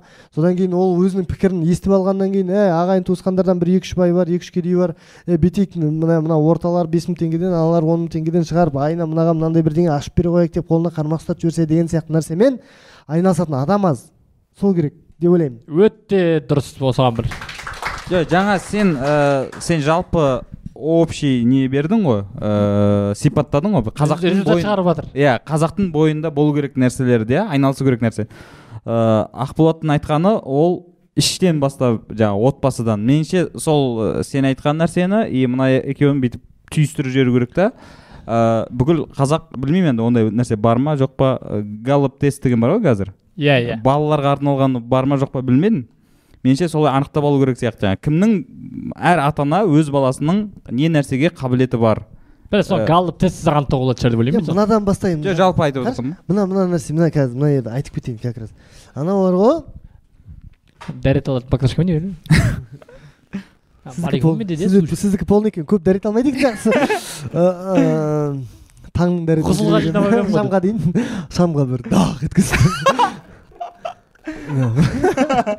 өтіріктер кетіп қалды өтіріктер кетіп қалды анау қазір ата анасы баласының қай қызбен сөйлесіп жүргенін білмейді ғой қызы кім жігітпен жүріп жатқанын да танымайды білмейді аңғармайды вообще араласпайды келді енді құда болды танымайтын адаммен а иә міне деп өздері сөйтіп жүреді да бірақ жақында бір ситуация бір ініміз келді орал қаласынан. Ә, бауырым күтіп алдық. Соның айналасында жүрміз. Қазір бізге бір күшті событие болып көрінді. Өзім үлкен сабақ алдым сол ситуацияда мынандай нәрсе болды. Ә, бірден ата анасы қызды көрмей анасы мен әкесінің інісімен танысты бірге. Бірден бірден. Ең бірінші қызды көрмей. Сосын танысты жігіт э, жаңағы сөйледі. Жалғыз өзі барды. Ешкім ол үшін сөйлеп берген жоқ. Ә, жас бізден кіші жігіт сөйлеп өзінің позициясын көрсетті. И одан кейін ата анасына где то өзінің ясы бар жігіт енді опытный жігіттер таниды ғой адам сөйлегенде. Сен сөйле, сөйлеші кім екеніңді таниын деген сияқты адам сөйлеген кезде өзінің кім екенін білдіреді ғой. Сөйтіп он деп оң бағасын беріп где то жақсы екен енді білейік көрейік деген сияқты ары қарай танысуға рұқсат берді сол кезде. Бір бірін көруге. Содан кейін көрісті. Енді ары қарай үйлесіп жатса жақсы болып кетіп жатсаңдар біз қуанамыз деді иә? Мысалы қандай керемет біз ойлаймыз ғой ана бұрын ата бабаларымыз жасаған сияқты тек қана шариғаттың заңынан шықпай тек қана солар жасаған сияқты. Қазір осы заманда ресторанда пафосный жерлерде өтіп жатқан оқиғалар бұлар кәдімгі есік сияқты болып көрінеді. Қайта. Керісінше элитаның несі? Э, сонда екеуі танысты рұқсатын берді содан кейін қыз бен жігіт сол жерде сәл бөлектеніп әңгіме соғып танысып өздері деген ары қарай. Бөлек кабинка, етпей ма? Да? кабинка түсінесіз кабинканы айтпады танысып ары қарай сөйлесетінін шешіп одан кейін ә, жаңағы телефон номер ештеңе алмаспаған әлі әлі алмаспаған одан әулетінің үлкендерінің телефоны арқылы мына екеуі жақ жалғап отыр қарашы қандай керемет бәрі прозрачный сөйтеді да екеуі жақсы қыз да көңілі жаңағы бар жақсы фейс бар әңгімесі бәрі нормально болып тұр көрейік давай попробуем деген сияқты. И общение. Жаңағы бір тағы бір ашық еще. Егер осы жерде келіскен жағдайда бақытты болсын келіспеген жағдайда қыз да жыламайды жігіт те жыламайды. Көрдің ба қандай аккуратный подход. Бұл қазақтың баяғыдан енді осы жаңағы иә дәстүрлі дәстүр барлығын түгел бүйтіп біріктіріп аккуратно осы үйлендіру бақытты болу әрмен қарай күшті болып кету жағдайын четкий жасап қойған ғой и форматы бұдан артық формат жоқ әлемде. Осы нәрсемен істелсе деп та мысалға біздер енді жүрдік неше жыл жүрдік алты жыл жүрдік вдруг мысалға мен көңілім ауып или қуып я болмаса мен бір көңілінен шықпай қыздың жеті жылда өзгеріп кетсем мен мысалға. И ол қаншама уайымдар қалады қыздың абыройы басқасы бәрі. Талып қалмай ма далада қалмай ма? Сол сияқты мына нәрсе өте аккуратный дүние. Мына нәрсені істеу керек екенін вообще ата аналар көріп отыратын болса сен подкастын қарайды так павлодарда бір кісілер біздің осы подкасттан көріп ғазиз екеуміз шақырған Э, үлкен кісілер көретін болса балдарын үйленетін үйлендіретін ұлдарыңыз болса да қыздарыңыз болса да бірінші өздеріңізді жеке танып сосын әрмен қарай сөйтіп әңгімені жалғаған безопасно екен. Қызың да жылама- жылап қалмайды жігітің де әрмен қарай ертең үйленгеннен кейін екеуі бір бірін просто соблазнның арқасында таниды да бүйтіп а ол күшті түрлері ұнап тұр беті әдемі екен жаңағы осылай осылай тістері күшті бүйтіп бүйтіп ортасында сыздары бар күшті брекетс вообще үйлеседі өзі харизматичный деп қояды еще бір Ә, сөйтіп сөйтіп үйленіп кетеді да одан кейін бытовой өмірге келген кезде олардың әңгімесі бітіп қалады. Мұхтар шаханов атамыз айтпақшы жұбайлар көп әңгімесі таусылған ал махаббат таусылмайтын әңгіме дейді. Әңгімесі бітіп қалғаннан кейін не ей істейді бәрекелді. Әңгімесі таусылып қалған не істейді? Ажырасады әлбетте. Өзінің анда үлкен передачада. Сол себепті әңгіме таусылмайтын мысалға екеуі үш рет кездесті міне. Енді кездеспейтін болды олар шешім қабылдап тұр. Үш рет кездесті. Әңгімесі бәрі жарасты түсінді. Енді дальше пландары бар үйленгеннен кейін былай өзгеріп кетпей ма былай өзгеріп кетпей ма? Нақты. Артық әңгіме жоқ. Өтірік ресторан өтірік ыржың тыржың бір мәшәң алдына келіп алып «Е, анау үйінен шықпай мынау ұрысып сен бүйткенде сөйткен көрпенің астына жанып мың сағат сөйлесіп ондай әңгіме жоқ. Тап таза аккуратно келді кірді тік тік еркекше решать етіп тастады. Ұнады. Алып кетсе алып кетті алып кетпесе ешкім зиян шеккен жоқ. Керемет иә? Осылай болсын бәрі. Э, жаңа сен айтып жатсың ғой осындай э, сондайларсыз болса деп. Мен енді байқаймын ғой. Сіз көп байқайсыз ғой иә мен қатты байқаймын. Меніңше керісінше жаңа ду- сен дұрыс версиясын айтып жатсың ғой. А мына версиясында ұлдар да қыздар да сондай бір страдать еткенді жақсы көретін сияқты да. Бір сондай бір этаптан өтуім керек деп өздері есептейді да. Жоқ ол мынандай нәрсе ғой бұл қараңыз бір сол нәрсенің бір бір бөлігі сияқты қарайды да. Жоқ мен мен ә, дұрыс деп жатқан жоқпын ол нәрсені. Бірақ сондай мен байқап жүрген нәрселер. Жоқ ол жерде мындай нәрсе ғой ыыы сен өзің мысалы үшін ә, ақболат айтқандай үйлендің да примерно иә иә. Э, мен бір съемкамен жаңарқа ауданына бардым. Өкінішке орай дейсіз жоқ қуанышқа орай өте қалжыңдаймын айтпай бермеші жаңағы серьезно қабылдап қалады екенсіз ақын болғаннан кейін ба бишілігің де бар вроде түсіну керексің ғой мені біз енді съемкамен жаңарқа ауданына бардым. Сол жерде сыртынан бір көріп қалдым. Одан кейін бір ә, ағаларын зерттеп зерттеп болғаннан кейін бір ағаларына айтып арнайы үлкен кісілермен бірге кездесу ұйымдастырып сол жерде өзімнің барлық жағдайымды айтып келістіріп сол жерде ол келісті өзінің келісімін берді сөйтіп алдым. Сол екі үшеу екі үш рет қана кездестік. Тіпті үш рет те болған жоқ деймін номерін Ә. нешінші кездесуден кейін алдың? ііі номерін қазір қажет деген жоқпын мен сол күйеу ақыры келісіп болғаннан кейін ғана сөйлесе бастадым ғой. жатырмық номер керек емес Ііі, енді ол мынандай нәрсе ғой бұл жерде ііі адам баласы мәселені шешіп құтылғанды емес қашып құтылғанды жақсы көріп тұрады да жауапкершіліктен қашқанды жақсы көреді. Сондықтан мына жігіт пен қыз болып жүру деген ол жауапкершіліктен қашу да ешқашан жігіт қызға өзінің жаман жағын көрсетпейді. И қыз, Жүрген- қыз жүрген тоже. Қыз да көрсетпейді Иә. қыз өмірі нан жемейтін адам ұқсап кетеді тамақ ішкен кезде ше мысалы. Жігіттер өмір бақи оған гүл сыйлайтын сияқты тегі қайта қайта рафаэлла сыйлап дегендей сондай бір образды жасайды ғой. Сәл алыстан ұстау керек екен микрофонды а сондай ма? Енді әйтеуір. Былай міне міне. Аузыма бірдеңе жақындаса жегім келіп тұрады әйтеуір Ә, сонда алдау да ол нәрсе. Айналып келген кезде ол алты жыл айды жеті жыл алдайды. Бірақ шынайы бейнесін көрсетпейді. Үйленгеннен кейін ана қаншалықты көп жүрсе соншалықты өкініш болады да. Бұндай адам емес еді ғой деген сияқты. Ше. өйткені әркім өзінің ойында мынандай ғой адамдар қазіргі жастар болсын. Не кез келген кәзіргі жастар деп жастар жамандауға қажет жоқ бәріміз де жаспыз ғой. Кез келген біз адам баласының табиғаты сондай. Ол үйленетін кезде көп жағдайда бірінші кезекте анау қыздар жігітті жігіттер қыздарды жақсы көріп тұрмысқа шығып үйленбейді. Өзін жақсы көріп үйленеді да. Сондықтан ол елестетеді. Так мен ертең әйел аламын ол маған так киім жуып береді так нәски киімін не істейді анау мынау екеуміз сөйлесеміз киноға барамыз анау мынау рахат деп ше жоспарлайды и қыздың өзінде бір образ бар жігіттің образы. Так рахат мына ертең маған постоянно аптасына бір екі рет роза сыйлайды екеуміз кинода қыздармен маған не сыйлайды жаңағы картьер мына қолда в общем кетіп бара жатырмыз деген сияқты ше. Реальностьқа келгенде сондай емес қой. Нәски бір жақта анау өзі бір жақта ана баланы не қылдың? Памперсті алдың ба алмадың ба? Қашан келесің? Өмірі қасымда емессің? бірдеңе де бірдеңе. Осындай реальность сол нәрседен тұрады. Өйткені мына жақта ақша табу керек болады. Мына жақта квартираға төлеу керек. Романтикаға уақыт жоқ. Енді сондай нәрселер сынақтар болады. Кейде жақсылықтар болады. Кейде керісінше біреулердің сынағына мысалы қарапайым өмір сүріп жатқан жерден бір екі миллион тарс түсіп қалады. Оны бөле салмай әйелімен күйеу деген сияқты мысалы. Өйткені неге адамдар өзін жақсы көріп тұр ғой. Сен маған көбірек беруің керек сен менің көңілімді көбірек табуың керек деп тұрған семьяда береке болмайды сондықтан көбісі ажырасады да. Ал енді олар ортақ бір миссия болып үйленсе яғни екеуі ойлаған кезде ә, ананың адамы болу керек деген сөз емес. Біздегі адамдар осыны қателеседі да қыз бала общий жаңағы күйеуінікі болып кету керек деген сияқты. Дұрыс қой енді иә күйеуінің разылығын алу керек бірақ бұл жерде екеуінің ортақ мүддесі болу керек та ортақ миссиясы болу керек та. Екеуі де өмірді бір көзқарасымен түсіну керек та. Біз өмір сүріп жатқан кезде не үшін құрып жатырмыз мына отбасыны? Ертең балаларды нағып тәрбиелейміз не деп тәрбиелейміз? Қаяққа бара жатырмыз жалпы? Он жылдан кейін өсіп өмір сүре береміз ба? Он жылдан кейін екеуміздің әңгімеміз жараса ма?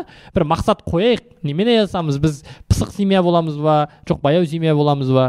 Біздің үйде сенің мамаңның көзқарасы қандай мысалы? Сен ата ананы сыйлайтын семья боламыз ба? Жоқ біз өзіміз бөлек тұратын семья боламыз ба деген нәрселердің бәрін шешіп алу керек та айналып келген кезде ше? До до до. Енді жаңағы мысалы үш рет кездесу деген нәрседе осы нәрселер ашық айтылады. Ол жерде бір үш рет кездескенде бір үш рет алмайсың айта бересің ғой. Ол жерде үш рет бүйтіп көріп ала салу деген нәрсе емес ол. Ол жердегі ондай кездесулерде кәдімгідей ашық әңгіме айтылады. Біріншіден сырттан зерттеледі. Ол қыздың қазақтың өзінің дәстүрінде солай болған ғой. Қыздың өзінен сұрамайды жеңгесінен сұрайды да. Ол қандай қыз қолынан іс келе ма не жасай ала ма тамақ істей ала ма ә, мінезі қандай? Мысалы қыздарға бұрын шолпы деген нәрсені тағатын болған. Шолпының мақсаты ол қатты дыбысы естілсе шолпының ол мінезі шатақ қыз деген сөз да ол. Өйткені ол артында не істеп тұрады? А егер ақырын баяу жүретін болса мінезі жұмсақ қыз соған қарап та тыңдай беретін болған да. Сол қыз алсаң ба бүйтіп иә сол ыыы, ол шолпыны беззвучный режимге қоя алмайсың қоя алмайсың Ә, ол қызды таңдаған кезде сол кезде жігіттер ашығын айтады да міне мен осындай семьямын үйдің бір жалғыз баласымын мамам осындай міне менің өмірлік миссиям мынандай соған көнетін болсаң осылай бірақ ә, бүкіл жақсылығымды жасаймын бүкіл өзім не жасаймын саған жегіземін не кисем соны кигіземін романтикаңды жасап беремін дейді да и бүкіл қызық болғанда романтика үйленгеннен кейін басталады өйткені қызық көру керек қой әлі қыз бен жігіт болып жүрмеген оның дәмін білмейді енді қызықты көргісі келеді да ана мамасымен тығылып жүріп бір жерде деген сияқты ше неше түрлі өздерінің енелерінен тығылып дегендей бір не бір қызықтар болады ғой ол жерде. Тіре. бірде бірде бала бала жеке- тәжірибеден бала пайда болған кезде балалардан тығылып дегендей енді. Шш деп па иә иә түш балалар ұйықтасын балалар ұйықтасын деген сияқты. Ә, ол енді шынымен де бұл енді әділ сияқты болғанмен ар жағында берекелі ұзақ өмір сүруге ә, ыңғайлы нәрсе ғой ал енді мына нәрсе нәпсіге ыңғайлы да. Қазір өзіңді алдайсың ғой. Қазір тексеріп алайық қыз бен жігіт болып жүріп алайық жаңағы сізге ыңғайлы деп жатқаны сол да бәрі сөйтіп соны шешу керек сияқты. Өйткені ә, мынандай ана абайдың жақсы өлеңі бар. Ғашықтық құмарлық пен ол екі жол деген. Махаббат деген нәрсе бар. Сосын жаңағы құмарлық деген нәрсе бар да страсть дейді ғой. Кез келген бойдақ жігітте не қызда ол әлі өмірінде үйленіп көрмеген яғни физикалық тұрғыда да психологиялық тұрғыда да отбасы деген нәрсені көрмегендіктен құмарлық деген нәрсе мына мына жерінде тұрады да былайынан толып көзден шықты. Көзден шығып құлақтан. құлақтан ағып деген сияқты. Ше. сөйтіп тұрады да енді сен Ол нәрсе- мынандай әңгімелер айтасың. Ә, ондай шығып тұрған адам ол анық махаббаттың көзқарасымен қарай алмайды ол. Ол анау табиғи қажеттіліктің құмарлықтың көзқарасымен қарайды да қыз бала да сол көзқараспен қарайды көп жағдайда ұл бала да сол көзқараспен қарайды да. Сондықтан ол алдамшы. Ол дәл қазіргі сәтте ол мына сезімнің жаман жері құмарлық дегеннің жаман жері кішкене әдемі қыздың өзін ол елу процентке әдемі көрсетіп жүреді одан сайын еще боянып алатыны бар ғой. А? Боянып алатыны еще боянып алғанда тем более еще ол пойызда кездессе. Сондай болады да енді қыздардың бәрі сұлу боянғанда түрлерін көрер ме еді оянғанда дегендей. Шынайы сезімдеріне қарамайды да ол қандай адам оның мінезі қандай ол қыз менің ата анаммен тұра ала ма ол жалпы мінезі қандай қыз деген нәрсеге көп көңіл бөлмей қалады. Қыз бала да жігіттің мінезі қандай ертең өйткені ол сен ер азаматпен өмір сүресің ғой ол қаншама қазір мынау тұрмыстық зорлық зомбылық деп жатыр ғой. Сол қазір әйелдерін ұрып таяқ жеп быт болып жаңағы бала шағасымен жаңағы суицид болып жатқандардың барлығы кезінде өлдім талдым ойбай осыған шықпасам өлемін деген қыздар ғой мысалы айналып келген кезде. Олар да бір енді ауыр болса да айту керек әңгіме да ол ол бір ііі олардың барлығын ешкім қинап берген жоқ негізі. Олар шынымен қыз бен жігіт болып жүрген қосылған өйткені ол жігіт кезінде көрсетпейді ондай нәрсесін. Сондықтан жігіттің шынымен мінезін сынайтын нәрсесін қалай сынайсың? Сен оған недоступный болған кезде ғана сынай аласың да мінезің. Ол сабырлы бола ма? Ол саған деген отношениесі қалай? Ол сені бірден қолын жеткізгісі келе ма? Жоқ сені қайта сенің де арыңды қазірден күйеуге шығардың алдында ар ұятыңды сақтап қарайтын жігіт болса ол азамат та ол. Өйткені ол өз өзін ұстап тұр да жаңағы құмарлығын басқасын басқа нәрсесін ойлап тұр жолын қарастырып жатыр деген сияқты. Ол жігіт та ол ше. Ал енді ұмтылғысы келіп мүмкін бірінші кездесуде бетінен сүйгісі келіп отқан мойынға қарай мұрнын жіберіп жатқан жігіттер енді ол. Ол бір аса бір болашағы жоқ жігіттер да айналып келген кезде. Өйткені мықты жігіт емес та ол. Өйткені ол жаңағы құмарлығын өзінің құмарлығын жеңе алмаған адам. Ол ертең басқа да эмоциясын жеңе алмайды ғой. Ашуланып тұрған кезде ұрып жібере салады. Тағы өлгісі келіп тұрған кезде өле салады деген сияқты да айналып келген кезде сен әңгімеңді тыңдап мына жақтағы жігіттердің бәрін басы салбырап қалды салбырасын деп ше кәдімгідей дұрыс айту керек деп. Жоқ мен ә, өте тәжірибелі бойдағы ретінде айтайын. Ә, толықтай келісемін. Неге? Өйткені мен біраз уақыт болды. Кәдімгідей ана ақын мергенбай бар ғой соның кітабын оқып жүрмін. Дайындықсыз үйленбе деген. Мен дайындалайын дайындалып барып үйленейін деп тап сізге оқымай ақ қою керек еді. сен біліп тұрсың бәрін. Жоқ маған дәлел керек болды деп па? Бізде жалпы мынау ақыры семья тақырыбына кетіп қалдық қой. Бойдақ болсам да айтайын деп отқаным сол ғой. Үйленуді бір проблема шешу ретінде қараймыз ғой мысалы үшін қыздар осыған тисем бүкіл проблемам шешілді деп ойлайды. И жігіт те жаңағы бытовухаға қатысты бүкіл проблемасы әйел алсам бұл шешіледі деп ойлайды да. И сол шешілмей қалады ғой. А оказывается бұл емес екен ғой. И сонымен басталады. Менің ойымша өйткені бұл нәрсе бізде жаңағы көшпелі өмір сүрдік деп жатырмық қой содан қалып кеткен стереотип көшпелі елде бізде әйел алу деген нәрсе отбасы құру деген нәрсе ол кезде жұмыс күші жетпеген негізі М. мысалы қараңыз ана бір оқиға бар. Шалқар ауданында үлкен тілеу деген батыр болған. Сол батыр 18 мың әскермен неге барады? М, сарыағаш жаққа барады да. Жетісай жақ жетісай жаққа. Ана жақта бір соғыс болады соған қолдау ретінде барады ғой. Бірінші күні 18 мыңның 13 мыңы қайтыс болады ғой. 13 мыңы мерт болады ойлашы 13 мың жігіт өліп қалды деген ол масқара ғой. Қаншама семья қалды не қалды деген сияқты яғни ол заманда соғыс болғандықтан адамдардың кез келген уақытта өліп кетуі мүмкін болғандықтан және үлкен көлемде өліп кетуі мүмкін болғандықтан және қазіргідей условия жағдай жоқ адамдар көп көбеймейтін болғандықтан өте ерте үйленген 13 жастан бастап деген сияқты және баланы көп көбейтіп тастау деген нәрсе болған. Ол заманда бүкіл жұмыс ауыр жұмыс қой. Сондықтан жұмыс күші жетіспейтін. Әйел адамдарға да жұмыс күші жетіспейді ер адамдарға да жұмыс күші жетіспейді. Сондықтан олар келген келінге де жұмыс күші ретінде қарайды. Күйеу балаға да жұмыс күші ретінде қарайды да түсінесіз бір әскердің бір бөлігі ретінде сияқты қарайды. Сондықтан ол сол нәрсе қалыптасқан. А қазіргі жиырма бірінші ғасырда бүкіл жағдай бар ғой. Қазір сен жұмыс күші ретінде қарай алмайсың да. Өйткені қыз балалардың жетпіс процент жұмысын басқа нәрселер істеп жатыр. Стиральный машине жаңағы үтік бірдеңе деген сияқты әйтеуір талай мүмкіндіктер. Қазір роботтар шығып жатыр. Қазір адамдар бір бірімен адам ретінде байланысып бір бірінің жанын түсінбесе басқа вариант жоқ. Енді өмір ғой деп өмір сүріп кете да. сөйлесетін адам аласың ғой в общем иә? Айналып келген кезде сол иә сөйлесетін адам аласың да. Өйткені басқа қажеттіліктердің барлығын ақшамен шешіп тастай аласың да. Айналып келген кезде ше. Проблема сода қазір өзі ғалымдардың зерттеу әлеуметтанушы ғалымдардың зерттеуіне қараған кезде отбасы институтының сіздің көңіліңізге тимесін бірақ отбасы институтының құлап жатыр ғой қазір. Отбасы институтының ең үлкен дұшпаны жаңағы жаман бәлелер басқа емес ең үлкен дұшпаны жалғыз бастылар екен. Неге деген кезде хорошо мен дұшпан бола салайын. адамзат тарихында адамзат тарихында тұңғыш рет экономикалық тұрғыдан тұрғыдан жалғыз басты болу мүмкін болып қалыпты да. Бұрынғы замандарда адам жалғыз басты болса оған бәрібір кішкене бір әйелдің көмегі керек жаңағы кір жуу оңай емес деген сияқты. Немесе ер адамның қорғаны керек ана адамдардың қорғану керек деген сияқты нәрсе болған ғой. Қазір ақшаң болса бәрін жасай беруге болады. Кез келген қажеттілікті өтеуге болады. Тамаққа да заказ беруге болады киімді жудырып қоюға болады ә, солай. клининг жасап қоюға болады. Болды. Бүкіл мүмкіндік бар. Сондықтан адамдарға жалғыз өмір сүру ыңғайлы болып кете береді да енді. Өйтіп нервімді құртқанша деген сияқты анау бар ғой жиырмадан жиырмадан асқан бойда халық жауы деген Бау- бауыржан момышұлының сөзі бар менде иә. ақша жоқ просто. Иә олай емес қой бар, бар ғой сен деген ақша жоқ болса деген мынандай тамақтар қаншадан жеп отырсыңдар бүйтіп каш алып қояды былай да мына жерде төрт помидор тұрады былай кішкентай кішкентай ортасынан кесілген мына жерінде тауық билет қаншадан болып со- кисло сладкий соуспен бүйтіп тұрып тамақ ішіп отырған адам күн сайын кофе ішіп ақша жоқ деп айту өң- өтірік қой ақша жоқ емес бар. Просто жоқ бар ақшама алдым оны.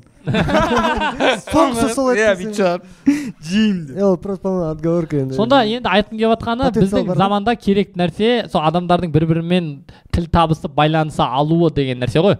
Сондықтан бізге осы нәрселерді енді қаншама нәрсе жеңілдетіліп жатқан кезде физикалық тұрғыдан басқа жеңілдетіліп жатқан кезде осы нәрселерді ашып сөйлесіп шешіп алу керек та. Қандай отбасы боламыз неміз қай жаққа бара жатырмыз деген нәрсе. Сол кезде отбасы жақсы құрылады. Бізде көп нәрседе өкінішке орай бүкіл нәрсені біз сауатсыз бастап кетеміз е жолдан көреміз деген сияқты. Ше бұйырған болады. Бұйырған болады үйленіп кете берейік деген сияқты ше бір бәлесі болар дегендей ондай нәрсе дұрыс емес та? Әсіресе бұл негізі қыз балалардан гөрі ер адамдарға қатысты. Өйткені ер адамды бәрібір жаңағы бір саты жоғары деп атамыз үйдің жаңағы басқарушысы басқару қабілеті мықтырақ дейміз ғой ер адамда. Басқару қабілеті мықтырақ болды ма онда ер азамат соған сай оның нақты мақсаты болу керек та. Қазіргі өкінішке орай тіпті қыздарда мақсат бар да ер адамдарда мақсат жоқ. Сондықтан ер адамдар әлсіз болып жатыр. Қыздар жаман дамып кетеді ғой. Андай бір кішкентай бірдеңе барады оқып алады бір аптада ол- қазір былай қарайсың ғой былай білімімізден бірдеңе үйреніп алайын бірдеңе оқып алайын деп жүрген бәрі қыздарда жігіт жігіттер жігіттер жігіт жігіттер как мына событие шыға ма шықпай ма деп. Камера жетпістік.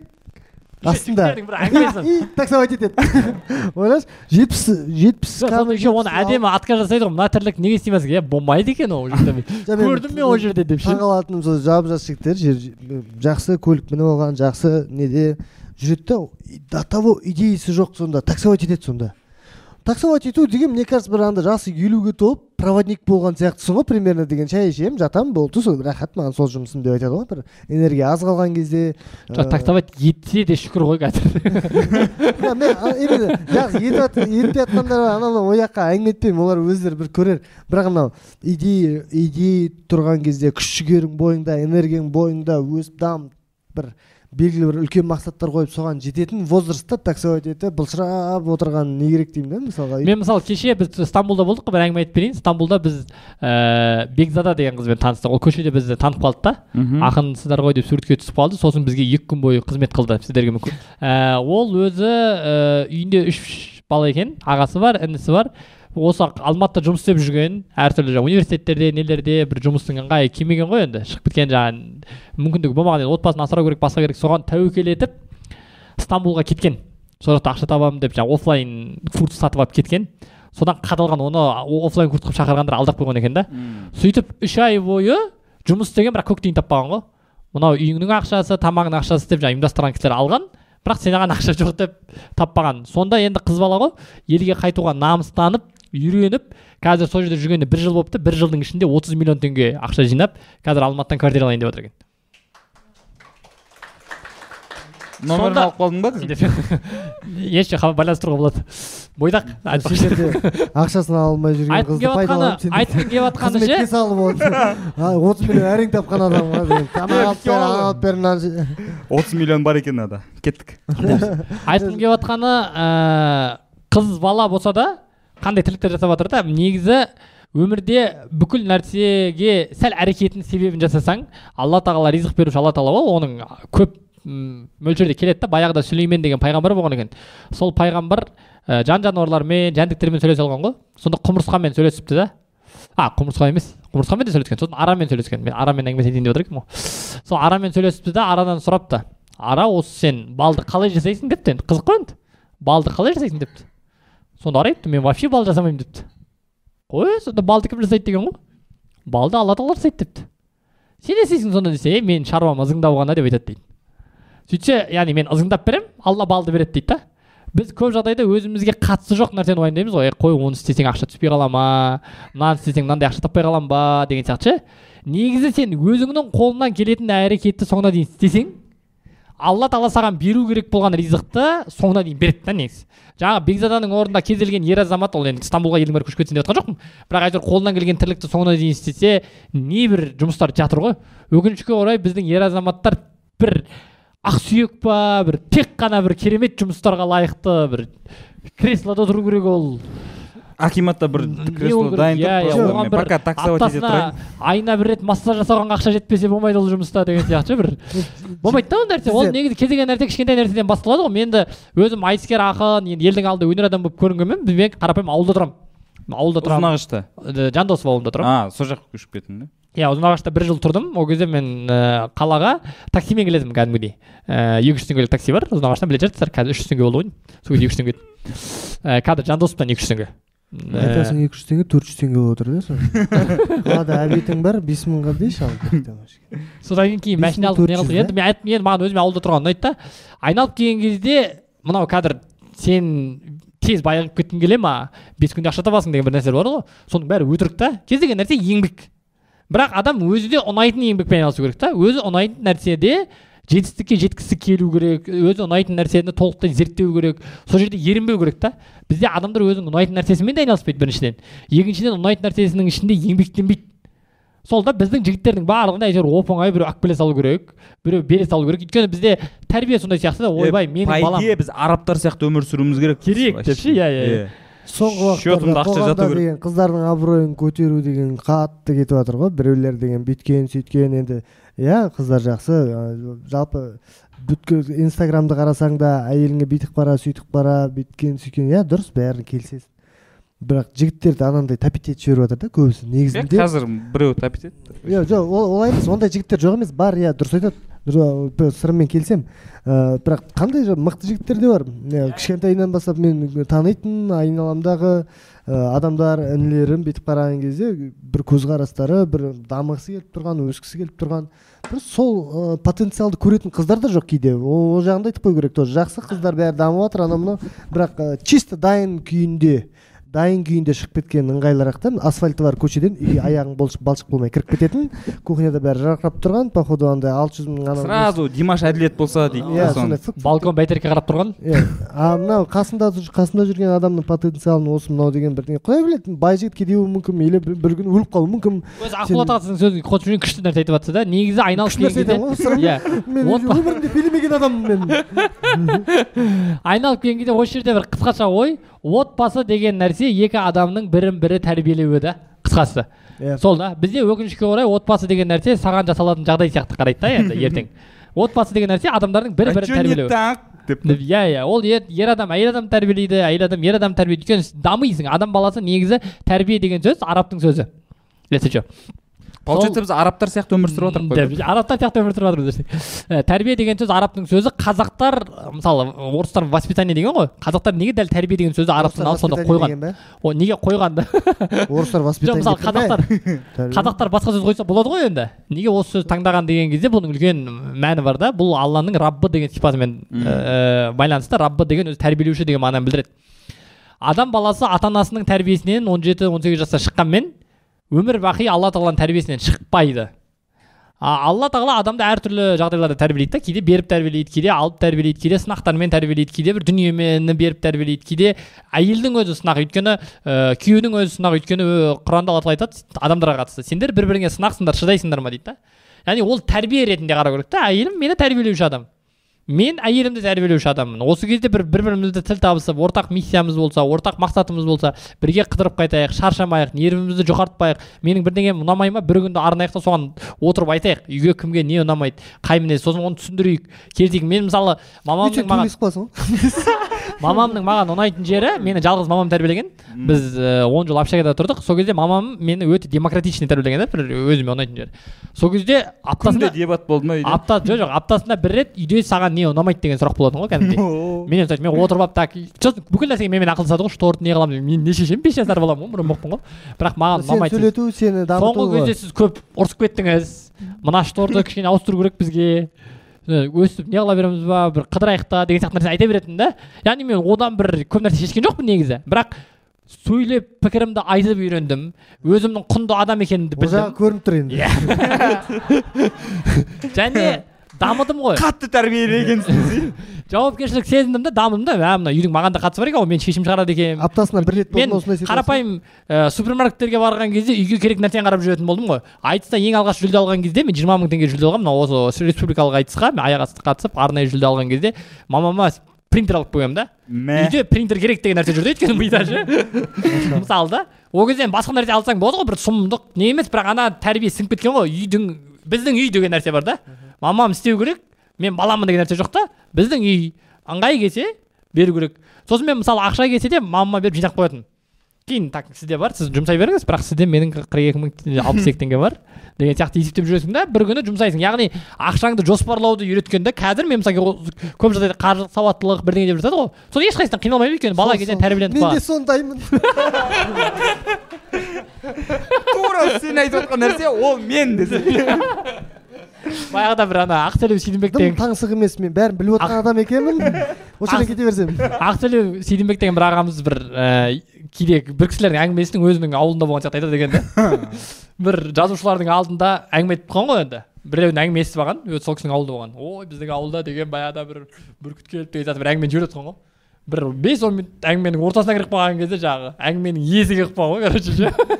Негізі ауылда отырған жаңағы иесі. Тура осындай әңгіме осы кісінің де ауылында болған деп айтады дейді сол сияқты короче енді бәріміздің балалық шағымыз бірдей өткен негізі примерно сырымды мен шынымен де негізі бала тәрбиесіне келген кезде оның осының алдында осы оқиғалар осы әңгімелер біздің арамызды жақындатқан ғой негізінде ең бірінші танысқан кездердегі және өзіміздің іліп қалған біліп қалған жерлеріміз бар. Ол жерде де жақсы негізі шынымен де баланы сөйлетіп тіпті ренішін де айтып үйреткен жақсы. Енді тағы бір қоса кететін жағдай. Вообще именно отношенияда қалай болу керек бір біріне ақылдасамыз деп жатыр менде мынандай ситуация болады мен әр жақта перелетта бүйтіп бүйтіп вообще үй көрмей кеткен кезеңдерде ана сұрақтары жиналып қалатын болып тұр апамнан қасқа. Үй- үйге келгеннен кейін жаңағыдай айтады бүйтіп мынаны қалай істейміз мынаны қалай істейміз сен өзің телефонда отырасың өзің шашып отырасың тағы бір жоспарлап отырасың бірдеңені жауап бермейсің ғой. Сосын бір күні айтамын сен осы сұрақтардың барлығын маған деген қағазға жаз да. Приемға раз как раз ана ләйлә ханымның бір интервьюінен келдім да сол үйге жатқан ұйықтайын деп жатқан кезде сондай әңгіме айтып жатыр да. Әңгіме соғайық бүйтейік сөйтейік мен айтамын ертең ертең анда екі үш қалаға барып келемін келемін келген кезде сен сұрақтарың дайын болсын қағазға бәрін жазып қой сосын отырайық. Официально кәдімгі журналист сияқты дайындал. Мен саған официально жауап берейін андай бір үйдегідей болмасын атмосфера жасайық өзіміз жақсы давай. Екі үш күннен кейін келемін келсем отыз бірдеңе сұрақ дайындап қойған. Сұрақ көп сөйтіп э, тамақ ішетін жерге тамақтанатын жерге барамыз камераны қоямыз. Камераның алдында күштісің ғой. Әңгіме айтпайсың ә, жаңағыдай соңына дейін жауап бересің деген сияқты андай ә, игнорировать етпейсің көп сұрақты қойшы деп айтпайсың өйткені полностью вложить етесің да и сол периодтарда бізде отыз екі сұрағын деген бір сағат жарым екі сағат сөйлесіп бір айға босатып жіберетінмін қатынды. Анау босап қалады короче ішінде сұрақ жоқ жата үйде әңгіме жоқ дейсің. Соны іші шығып қалады бүткіл уайымдап жүрген ойлап жүрген сосын цель мақсат барлығына шынайы жауап беріп тастайсың. А то босайсың өзің біразға дейін. Сосын спокойно жаңағы достарыңмен жүргенде де былай жүргенде де қайда жүрсің қашан келесің деген әңгімелер естілмейді.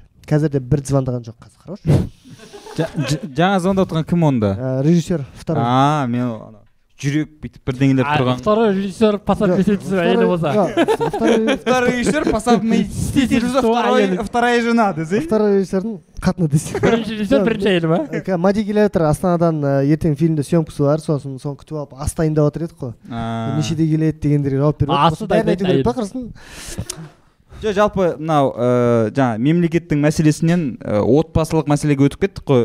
И- бұл жерде отан отбасынан басталады Иә, дегенді қалай тарқатып келе қарашы бұл біздің даналығымыз деп ойлаймын ағайын бұл жерде жаңа елдегі проблемада үйдегі проблемада ә, диалогтың жоқтығынан Жоқтығынан. болып жатқанын көрсетіп тұр да сөйлеспейтініміз ашық айтпаймыз немесе просто претензия айтамыз и тыңдамаймыз. Сол нәрсе болып тұр ғой. Мен соны бүйтіп бүйтіп әдемі қорытындылап жіберді бүйтіп тұрмын ғой так сен дайынсың. Так келесі десе сырым екеуміз ортаға отырып аламыз кім? Кел отыр. Күшті тыңдап отырдым сырымды күшті менде біраз лайфхактар бар деп қоятын енді сәкең деген жігіттер шеге шығып былай мынаны деп қойсаң сен әйелің айтатын Ә, сияқтысың жігіттер жеке сырымға жазылыңдар қыздар маған жазылыңдар. С- сен де сен де үйлен енді ертең андай орыс апалар әжелер ұқсап аяқтайық. Орыс әжелер сияқты андай дорба пакеті бар. Соны бірдеңеге сүйретіп. Мысық кетіп барады дейді қолда мысықпен. Мен қазір сөйтіп жүремін ғой. сгущенка алып алып сөйтіп жүрмін. ой. Сен тойға барайықшы.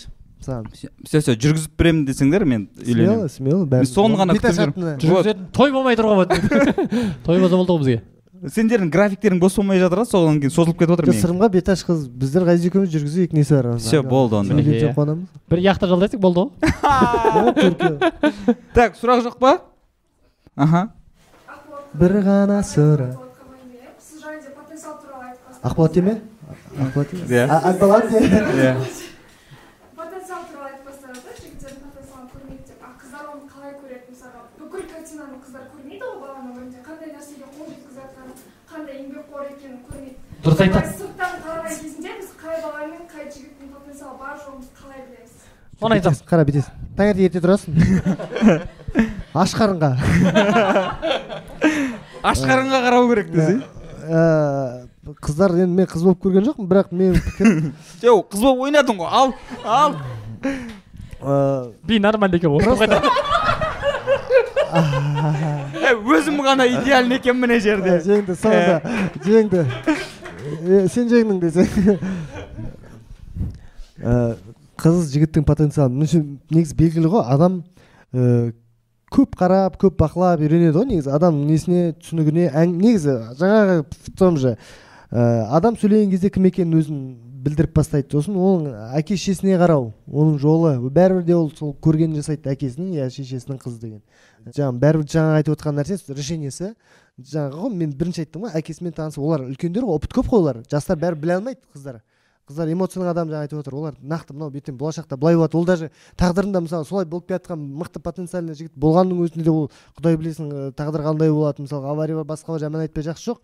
Оның бәрібір де оның жақсы екенін содан ұрпақ сүюге болатынын мінезі сәйкес келе ма деген проблема ғой сол сол сол адам сияқты соған ұқсас бала туғың келе ма келмей ма соны қарау керек қой болды. Анау сияқты бала керек па саған керек емес па а ұрып қуып жүрсе өзімен өзі. Ана достойно өзінікін серьезно сөйлеп өзін жеткізіп ойымен келісіп тұрып соның артына ере алатын адам болса осы- деп ойлаймын потенциальный жігіт ол не обязательно материально. Әңгімесін сендіріп түсіндіріп бірақ ақша таба алмайтын адамның потенциалы жоқ қой негізі. Иә ақыл малда деген бар иә бірақ енді мне кажется мынандай отбасыларда жоқ в смысле білемін бай дүниенің соңынан қуу емес бірақ енді еңбек ете алатын адам болу керек та жұмыс істейтін деп жатқаным мысалға мынандай жігіттер бар. Мен үйіне болып көрдім түрлі дастарханды көріп жатыр ғой енді виноград сыртына төгіліп дастархан шетінен түсіп кетейін деп тұрып стакан кішкентай стаканның өзіне орын таппайтын дастархандар бар. Молшылықпен. Көңіл жоқ. Әңгіме соға әңгіме соға алмайсың өтірік өтірік кетіп қаласың «Ә, сіз үш вилка тұр дейсің ғой. Иә түрлі үш түрлі қайсысын қайсысымен жеймін деп миың ашып отқан кезде. Ал мынандай отбасылар бар мысалға. Үйін алып бала шағасын асырап енді ремонты до конца бітпеген бір сол жерде апай да бір жыртық трикомен жүреді жаңағы үйіндегі жеңгемізде да мысалы сол сондай да отбасылардың үйінде қонақта болып көрдім. Жаңа ғана пісірген бір үш үш булкиін шығарып тастап сосын мына жақтан шайын құйып ә, кішкентай қаймағын шығарып қойып отырып әңгіме соққан кезде спокойно әңгіме соқ еще жігіттері сол еңбекқор бірақ құдай ризық бермей тұр енді не істейсің ол сынағы сол. Бірақ қандай бақытты аналар просто түсіну лампочкасы до конца жанбайтын ба ғой түнеп кішкене иә бүткіл коттедж салып жатыр бірақ кішкентай кішкентай материалдардан бір тасты бір тасты ортасынан бөліп үйдің сыртын қаптап отыр ойлап қарашы до того енді жоқтықтың несінен ол еңбек емес емес қой енді еңбек қой ол семьясына иә. условия создавать етіп жатыр қыздарына условия создавать етіп жатыр. Соған сай анау топить етіп жатқан жоқ та анау бүйткенде неге бізде бүйтіп жатқан жоқпыз неге бір таспен салмаймыз неге мәшәмен жүрмейміз деп жатқан жоқ ол қолдап отыр просто болды. И соған сай ол өзінің жақсылығын алады құдайдың алдында болды. Зачем? Ол именно материалды дегенде иә бәрі соған келіп тіреп тастады. Иә табу керек иә өмір сүру керек. Адам деген өмір мәселе көп бомж болып кетсең де жейтін тамақ табылады негізінде. Иә риск келеді ол бәрібір. Просто өзің дұрыс болып өзіңмен өзің айналысып өзіңді дұрыстасаң болды ғой басқа не керек? Мына мәселе жаңағы әркімнің бір біріне қойып жатқан талабы бар ғой. Әйел адам соңына дейін бар күшін ер азаматқа салып жатқанын көріп тұрса ер адам. Ер адам әйел үшін бүкіл мүмкіндігін соңына дейін салып жатқанын көріп жатса бай болса да кедей болса да адам бақытты бола береді да. Өйткені бір біріне деген қолынан келген барын жасап жатқанын көрсе болды ғой мәселе сода ғой. А бізде ә, қолынан келмейтін нәрсені талап еткен жерден проблема басталады да. Біз жаңағы мен кеше инстаграмнан көрдім енді мен де сондай болғым келеді деген сияқты нәрседен басталады да. Бірақ мәселе ә, жауапкершілік ер адамда ә, мінездің көпшілігі ер адамда болғандықтан бәрібір алғашқы ер адамды жаңағы сол ер адаммен беттестіру керек. Сол осы нәрсеге серьезно қарау керек та тек қана көңіл сезім сияқты қарамау керек күйеуге шығу мәселесіне. Бұған жауапты мәселе кәдімгідей қыз балалар жұмысқа тұрған кезде оған бір серьезно қарайды ғой. Бір сезіммен қарамайды ғой. Енді мә күшті жұмыс екен деп қарамайды ғой мысалы ше. Айлығы қанша деген нәрсені ойланасың ғой енді мысалы басқалардан сұрастырып тұрасың сен істеп көрдің ба бастықтары қандай деген сияқты. Ал енді ер адам деген нәрсеге күліп ойнап ой күшті күйеу вообще мне әдемі көрінеді харизматичный. Харизматичный. Кожаный курткасы әдемі екен деп шығып кете бергенге болмайды да. Соны ер адаммен беттестіру керек та өйткені оның ар жағындағы мінезін басқасын көру ана скулы күшті екен дейді ана жерде. сильно одевается. Иә иә иә. Так сұрақ. Осы аяққа тұрып үйлену дұрыс па? Сосын Сол аяққа тұрып қойып отырсың ғой сол жақта үйлен енді. Ә, сен өзіңнің аяққа тұруыңа гарантия бере алмайсың жауапкершілік жасамайсың өйткені ризық деген алладан. Құранда алла тағала айтады араларыңдағы бойдақтарыңды үйлендіріңдер дейді кедей болса да үйлендіріңдер оларды мен өз кеңшілігімнен байытам деп алла уәде беріп тұр да. Соны яғни мен бірінші байтам сосын олар үйленсін деп жатқан жоқ та алла тағала. Мен байытып алайын оларды аяққа тұрғызып алайын сосын олар үйленсін деп жатқан жоқ. Мен оларды олар оларды үйлендіріңдер сосын мен байтам деп жатыр да алла тағала. Яғни аяққа тұру деген нәрсе бас екеу болмай мал екеу болмайды деген мақал бекер шықпаған. Сен әйеліңмен бірге жүріп бірге аяққа тұрып бірге өмірдің қызығын көрмесеңдер жасың алпысқа келіп аяққа тұрып алғаннан кейін әйел уже керек болмай қалады ғой саған айналып келген кезде. Уже бүкіл нәрсе бар мысалы да андай мен мен үйленген кезде менде деген жағдай болды деп айтпаймын. Үйдің үлкенімін ыыы квн да енді енді бір самый главный мақсатымыз болды. Э, менде лично как еркек ретінде мен ақша табу керек екенін түсініп тұрдым. Мен түсініп тұрдым. Мен ответственностьтан қашып әлі қыдырып үлгерген жоқ мен балалығымды тастадым сондай период мен үйленуге дайын болып тұрдым. Үйдегілерге де сол керек екенін түсініп тұрдым. Жиырма төрттемін қазір нешедесің сен? он сегіз. он сегіздесің иә? Онда сен бүйттесің мен жиырма бірде үйлендім мысалы жиырма бірде. Не деген керемет сол периодтарда үйленіп мен қазір қазір мен ерте үйленуге замын. Өйткені неге? Қыз жиырмадан асқанда кәрі болар дейді негізінде. Өңі кетіп түр түсі сары болар дейді. Иә иә ер иә отызға иә келсе де иә, иә, ары қарай өлең ұйқастыра алмай қалсаң ой қой қой қой қой қой қой деп. Иә сол қыз жиырмадан асқанда кәрі болар деген мен түсінбейтін едім. Қалай ол жап жасыз емес негізі. қыздың жасы он сегіз дегенде қыз он сегізден кейін кәрі қыз деген сөз ғой. Иә. Көрдіңіз ба сонда ана өте қатты кетіп бара жоқ жатсыз жоқ мақалдың мағынасы шынымен сондай ол жерде. Ол жерде мен айтқым келіп жатқаны он сегізден кейін қазір қыздың бәрі кәрі қыз деген сөз емес. Бірақ ол бұрынғы заманда қыздар он үште ерте күйеуге шығатын болған. Қыздың жасы он сегіз деген сөз. Он сегізден кейін уже ұят болған да ол заманда. Кәрі қыз деген сөз. Қазір біз алпыстағы қыздарды жұбату үшін айтамыз ғой. Қыздың жасы он сегіз. Апай сіз әлі жас көрінесіз деген сияқты. Ше а ол оған қатысты емес ол негізі. Так ақболат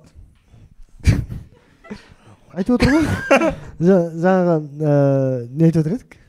Сен жиырма төртте мен жиырма үйлендің төртте үйлендім.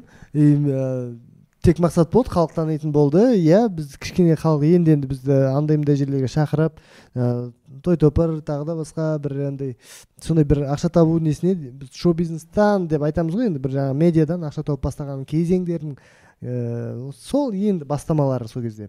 Аллаға шүкір ә, концертпен шығып бір бірімізді үйлендірдік біздер сөйтіп сөйтіп кезеңдер енді мақсат болды самый главный.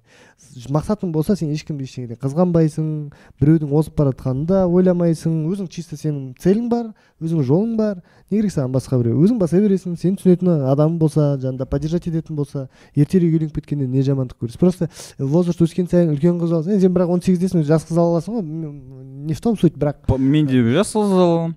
Иә просто ә, Алайын. жиырма үш жиырма ары қарай босану да оңай болмайды ғой негізі жас организм тез тез болады сол андай проблема болмау деген сияқты нәрселер жағынан ертерек үйленіп кеткен жақсырақ екен. Мен қазір түсініп түсініп жүрмін оны. Босанып короче ертең үйлен десең да. Иә так сен не не не сұрағың келіп тағы бір сұрақ қойғысы бар айтып тұрған ерте үйленгендер көбісі сол а, отбасы кезінде ақша үшін күреседі да? Не істейді? Ақша үшін өйткені аяқта ажырасып кетеді деп тұрсың ғой. Сол үшін көбісі ажырас- ажырасады. Аха олар о баста дұрыс үйленбегендер ғой. Ол жерде жоқ жоқ жоқ жоқ ондай емес ол. Мысалы мен де ерте үйлендім ғой мен ажырасқан жоқпын ғой мәселен. Ііі, ол ерте үйленгендердің барлығы жоқ үш баласы бар уже ерте үйленгендердің барлығы ақша үшін ақшасы жетпегеннен кейін ажырасады деген нәрсе өтірік. Өйткені адамдар бір бірімен дүние үшін үйлесетін болса өзі дүние үшін біріккен нәрсе дүние үшін ажырайды. О бастағы олардың миында біз байимыз деген түсінік менің күйеуім бай болады менің әйелім бай болады деген бір түсінік болса иә олар ажырасуы мүмкін. А бірақ егер о баста дұрыс қосылса біз бір бірімізге жақын адамдармыз біз бірге өмір сүргіміз келеді. Мен маған осындай күйеу керек маған осындай әйел керек деп үйленген адам қанша жаста үйленсе де қашан үйленсе де қалай үйленсе де ажыраспайды. Өйткені олар бір біріне керек нәрсені алып тұр болды.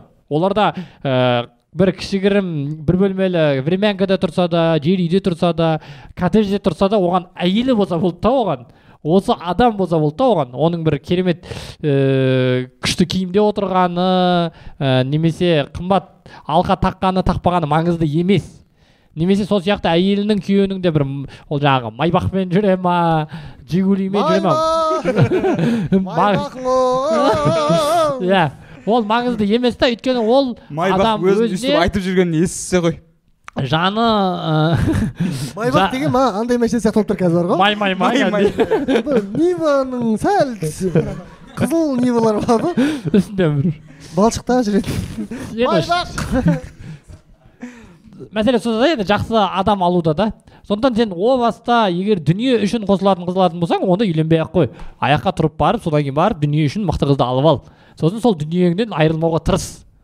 Сол дүниең айырылған кезде ол кетеді. Короче екеуі айта, екеуі айта береді. Мен сені түсініп тұрмын деді. иә осымен аяқтайық. Біз әжептәуір ә, сөйлестік. Соңын ә, соңын бітіріп тастайық бірдеңемен. Күшті бітірейік. күшті күшті әңгіме айтылды негізі. Мен билемеймін. Иә мен ана мына жаңа саясат туралы айтып жатырмын ғой басында сонда мына әңгімем қалып кетті негізі бір естіген әңгімем а қалып кетті дегенде қалдыртуға мәжбүрледі мені. Негізі шыны керек өз еркіммен аузымды жапты иә десе өз еркіммен айтпай қалайын деген бір даналығыммен осы сөзді мен до конца не қылмай ақ қояйыншы деген ниетім болған жоқ. Айтқым келді. Ел болып ә, жан жақтан осы жоқ осы керек емес ау деп осы жан жағымнан адамдар милициялар жіберіп тоқтап қалдым Ә, ол жаңағы саясатты айтып жатық басқа айтып жатық біздер негізі просто жаңағы отан отбасынан басталады деген әңгіменің пигі. Түсіну, түсіну адам редактура ғой. Біздің қазақстанға редактура керек. Халық пен биліктің ортасынан қаншама редактура керек негізі по идее болып жатқан да шығар өз деңгейінде емес сияқты мне кажется. Ә, потому что былай былай болып жатыр да. Бұрында енді естігеніміз бойынша мен өзімнің ананы даналығым я бірінші көп білемін деп ондай өйтіп көрсеткім келіп тұрған жоқ өзімді. Бірақ бірінші бізде ха- енді мойындаймын енді қайтемін ә, жаңа сөздерімнен аңғарып отқан шығарсыңдар. Бірақ мен кейбір өрем кейбір адамдарға түсініксіз мен биіктемін ғой. Десе құдай сақтасын алла сақтасын. Не мынандай бірінші халықтың арасынан халықтың арасынан батыр сөйлейді ғой. Батыр сөйлейді. Бізде болған естіген маған ұнады қатты. Батыр сөйлейді батыр кімге айтады? Ақынға айтады ғой. Ақынның спонсорлары кім? Байлар ғой. Сонда батыр ақынға айтады ақын байға айтады. Бай биді шақыра алады ғой. Одан возможность бар ғой. Ә, шақырып алуға мысалға күтіп алуға қонақ қылып үйінде ол ас әзірлеп отырып жаңағы мысалы батырдың аузынан е! деген шыққан сөз а, ақыннан ай! деп шығады да мысалы сосын кім алуға бола ма деп шығады кімнің аузынан жаңағы байдың аузынан. Сосын жаңағы би барады да билікке барады жаңағы ханға барады. Ханға барған кезде ол негізі елдің алдында мынандай мәселелерді шешу керек екен деген сияқты естіртеді ғой жұмсақ. Біздікілер шал кет деген шал кет! деп тиіп жатыр ғой бізде өйтіп айту айтатын адам оңбаған адам ғой кім атасына шал кет деп айтады? мысалға үйінде тұрған қария мысалға мейлі ол неше түрлі адамдар денсаулығы бар. Бұтына сыйып қоятын аталар да бар. Сол кісілерді жаратпай түйіп сыртқа шығарып жіберіп көрпесін лақтырып өзің жу демейсің ғой мысалға. Дәл сол сияқты мәдениетсіздік өте тәрбиесіздік деп ойлаймын ол нәрсені біреуге бірдеңе үлкен тем более. Мейлі қандай болсын сен жеке келіп ә, жаңағы аулаңа кіріп сенің бірдеңеңді ұрлап саған жеке зиян тиген жоқ қой. Иә бір тұрып жатыр өзімізше дамып жатырық сол сияқты бізге по моему мне кажется осы жерде ақындарды да подключать ету керек. Да? Дұрыс па? Соңын бітірейік деген ғой. Мысалға сырымбетте сөйлеп жүр сырымда сөйлеп жүр да бұйырса ә, ертең олар өседі өз деңгейіне жетеді. Мысалға қазіргі ә, жақсы қарапайым мысалға просто деңгейі бар ақшасы бар. Ә, мына көріп тұр мына сөйлегеннен мынадан көп больше пайдасы тиеді. Менің айналамда сондай ағаларым бар шыны айтамын аллаға шүкір. Ә, келеді. Түсініп тұрады. ол жерде ақша маңызды емес бар ғой. ақша маңызды емес. бірінші орынға қоймау керек ақшаны просто. мен аллаға шүкір деп айтамын. Адамдармен сондай адамдармен жолыққаныма інілерім ағаларым бәрі сондай. ағайындарым да әйтеуір бірінші орынға приоритетке приоритетке ақшаны қоймайды. бұл жерде ең бірінші пайда не? былай не? елге пайда тие мен просто мен бұл жерде құралмын. мен халыққа пайдалы дүние айта аламын. мен түсіне аламын. бірдеңені жеткізе аламын. халық маған қарап тұр ма? Олар өзінің түсініп тұрған әңгімелерін через меня айтып жібереді. Олар өзіне мансап я болмаса бір ә, жаңағы мені танысын мен айттым деген сөз керек емес. И осы көңілді мен түсініп тұрып мен айтып жатырғаннан кейін мен қалай оған масаттанып мен айттым деп айтамын. Өйткені ол менің ағаларымның ойы деген сияқты да мысалға. Ол просто бір біріне түсіну шынайы болу көңілді ашса өтірік айтпай бір бармағыңды өзіңе түртіп қалмай анау бүйтіп қала ма екен анау менің сырымды ашып қоя ма екен мен өзім сырымды аша беремін любой адамға.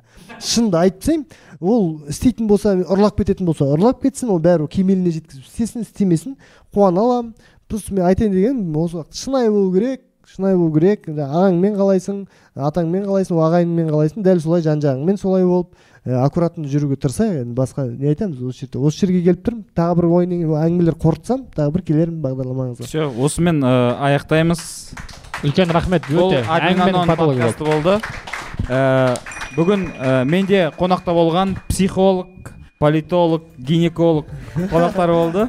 Иә сырым ақболат екеуіңе көп көп рахмет. және нұрмахан осы қызметтердің барлығын қажет ететін адам десең келесі кездескенше.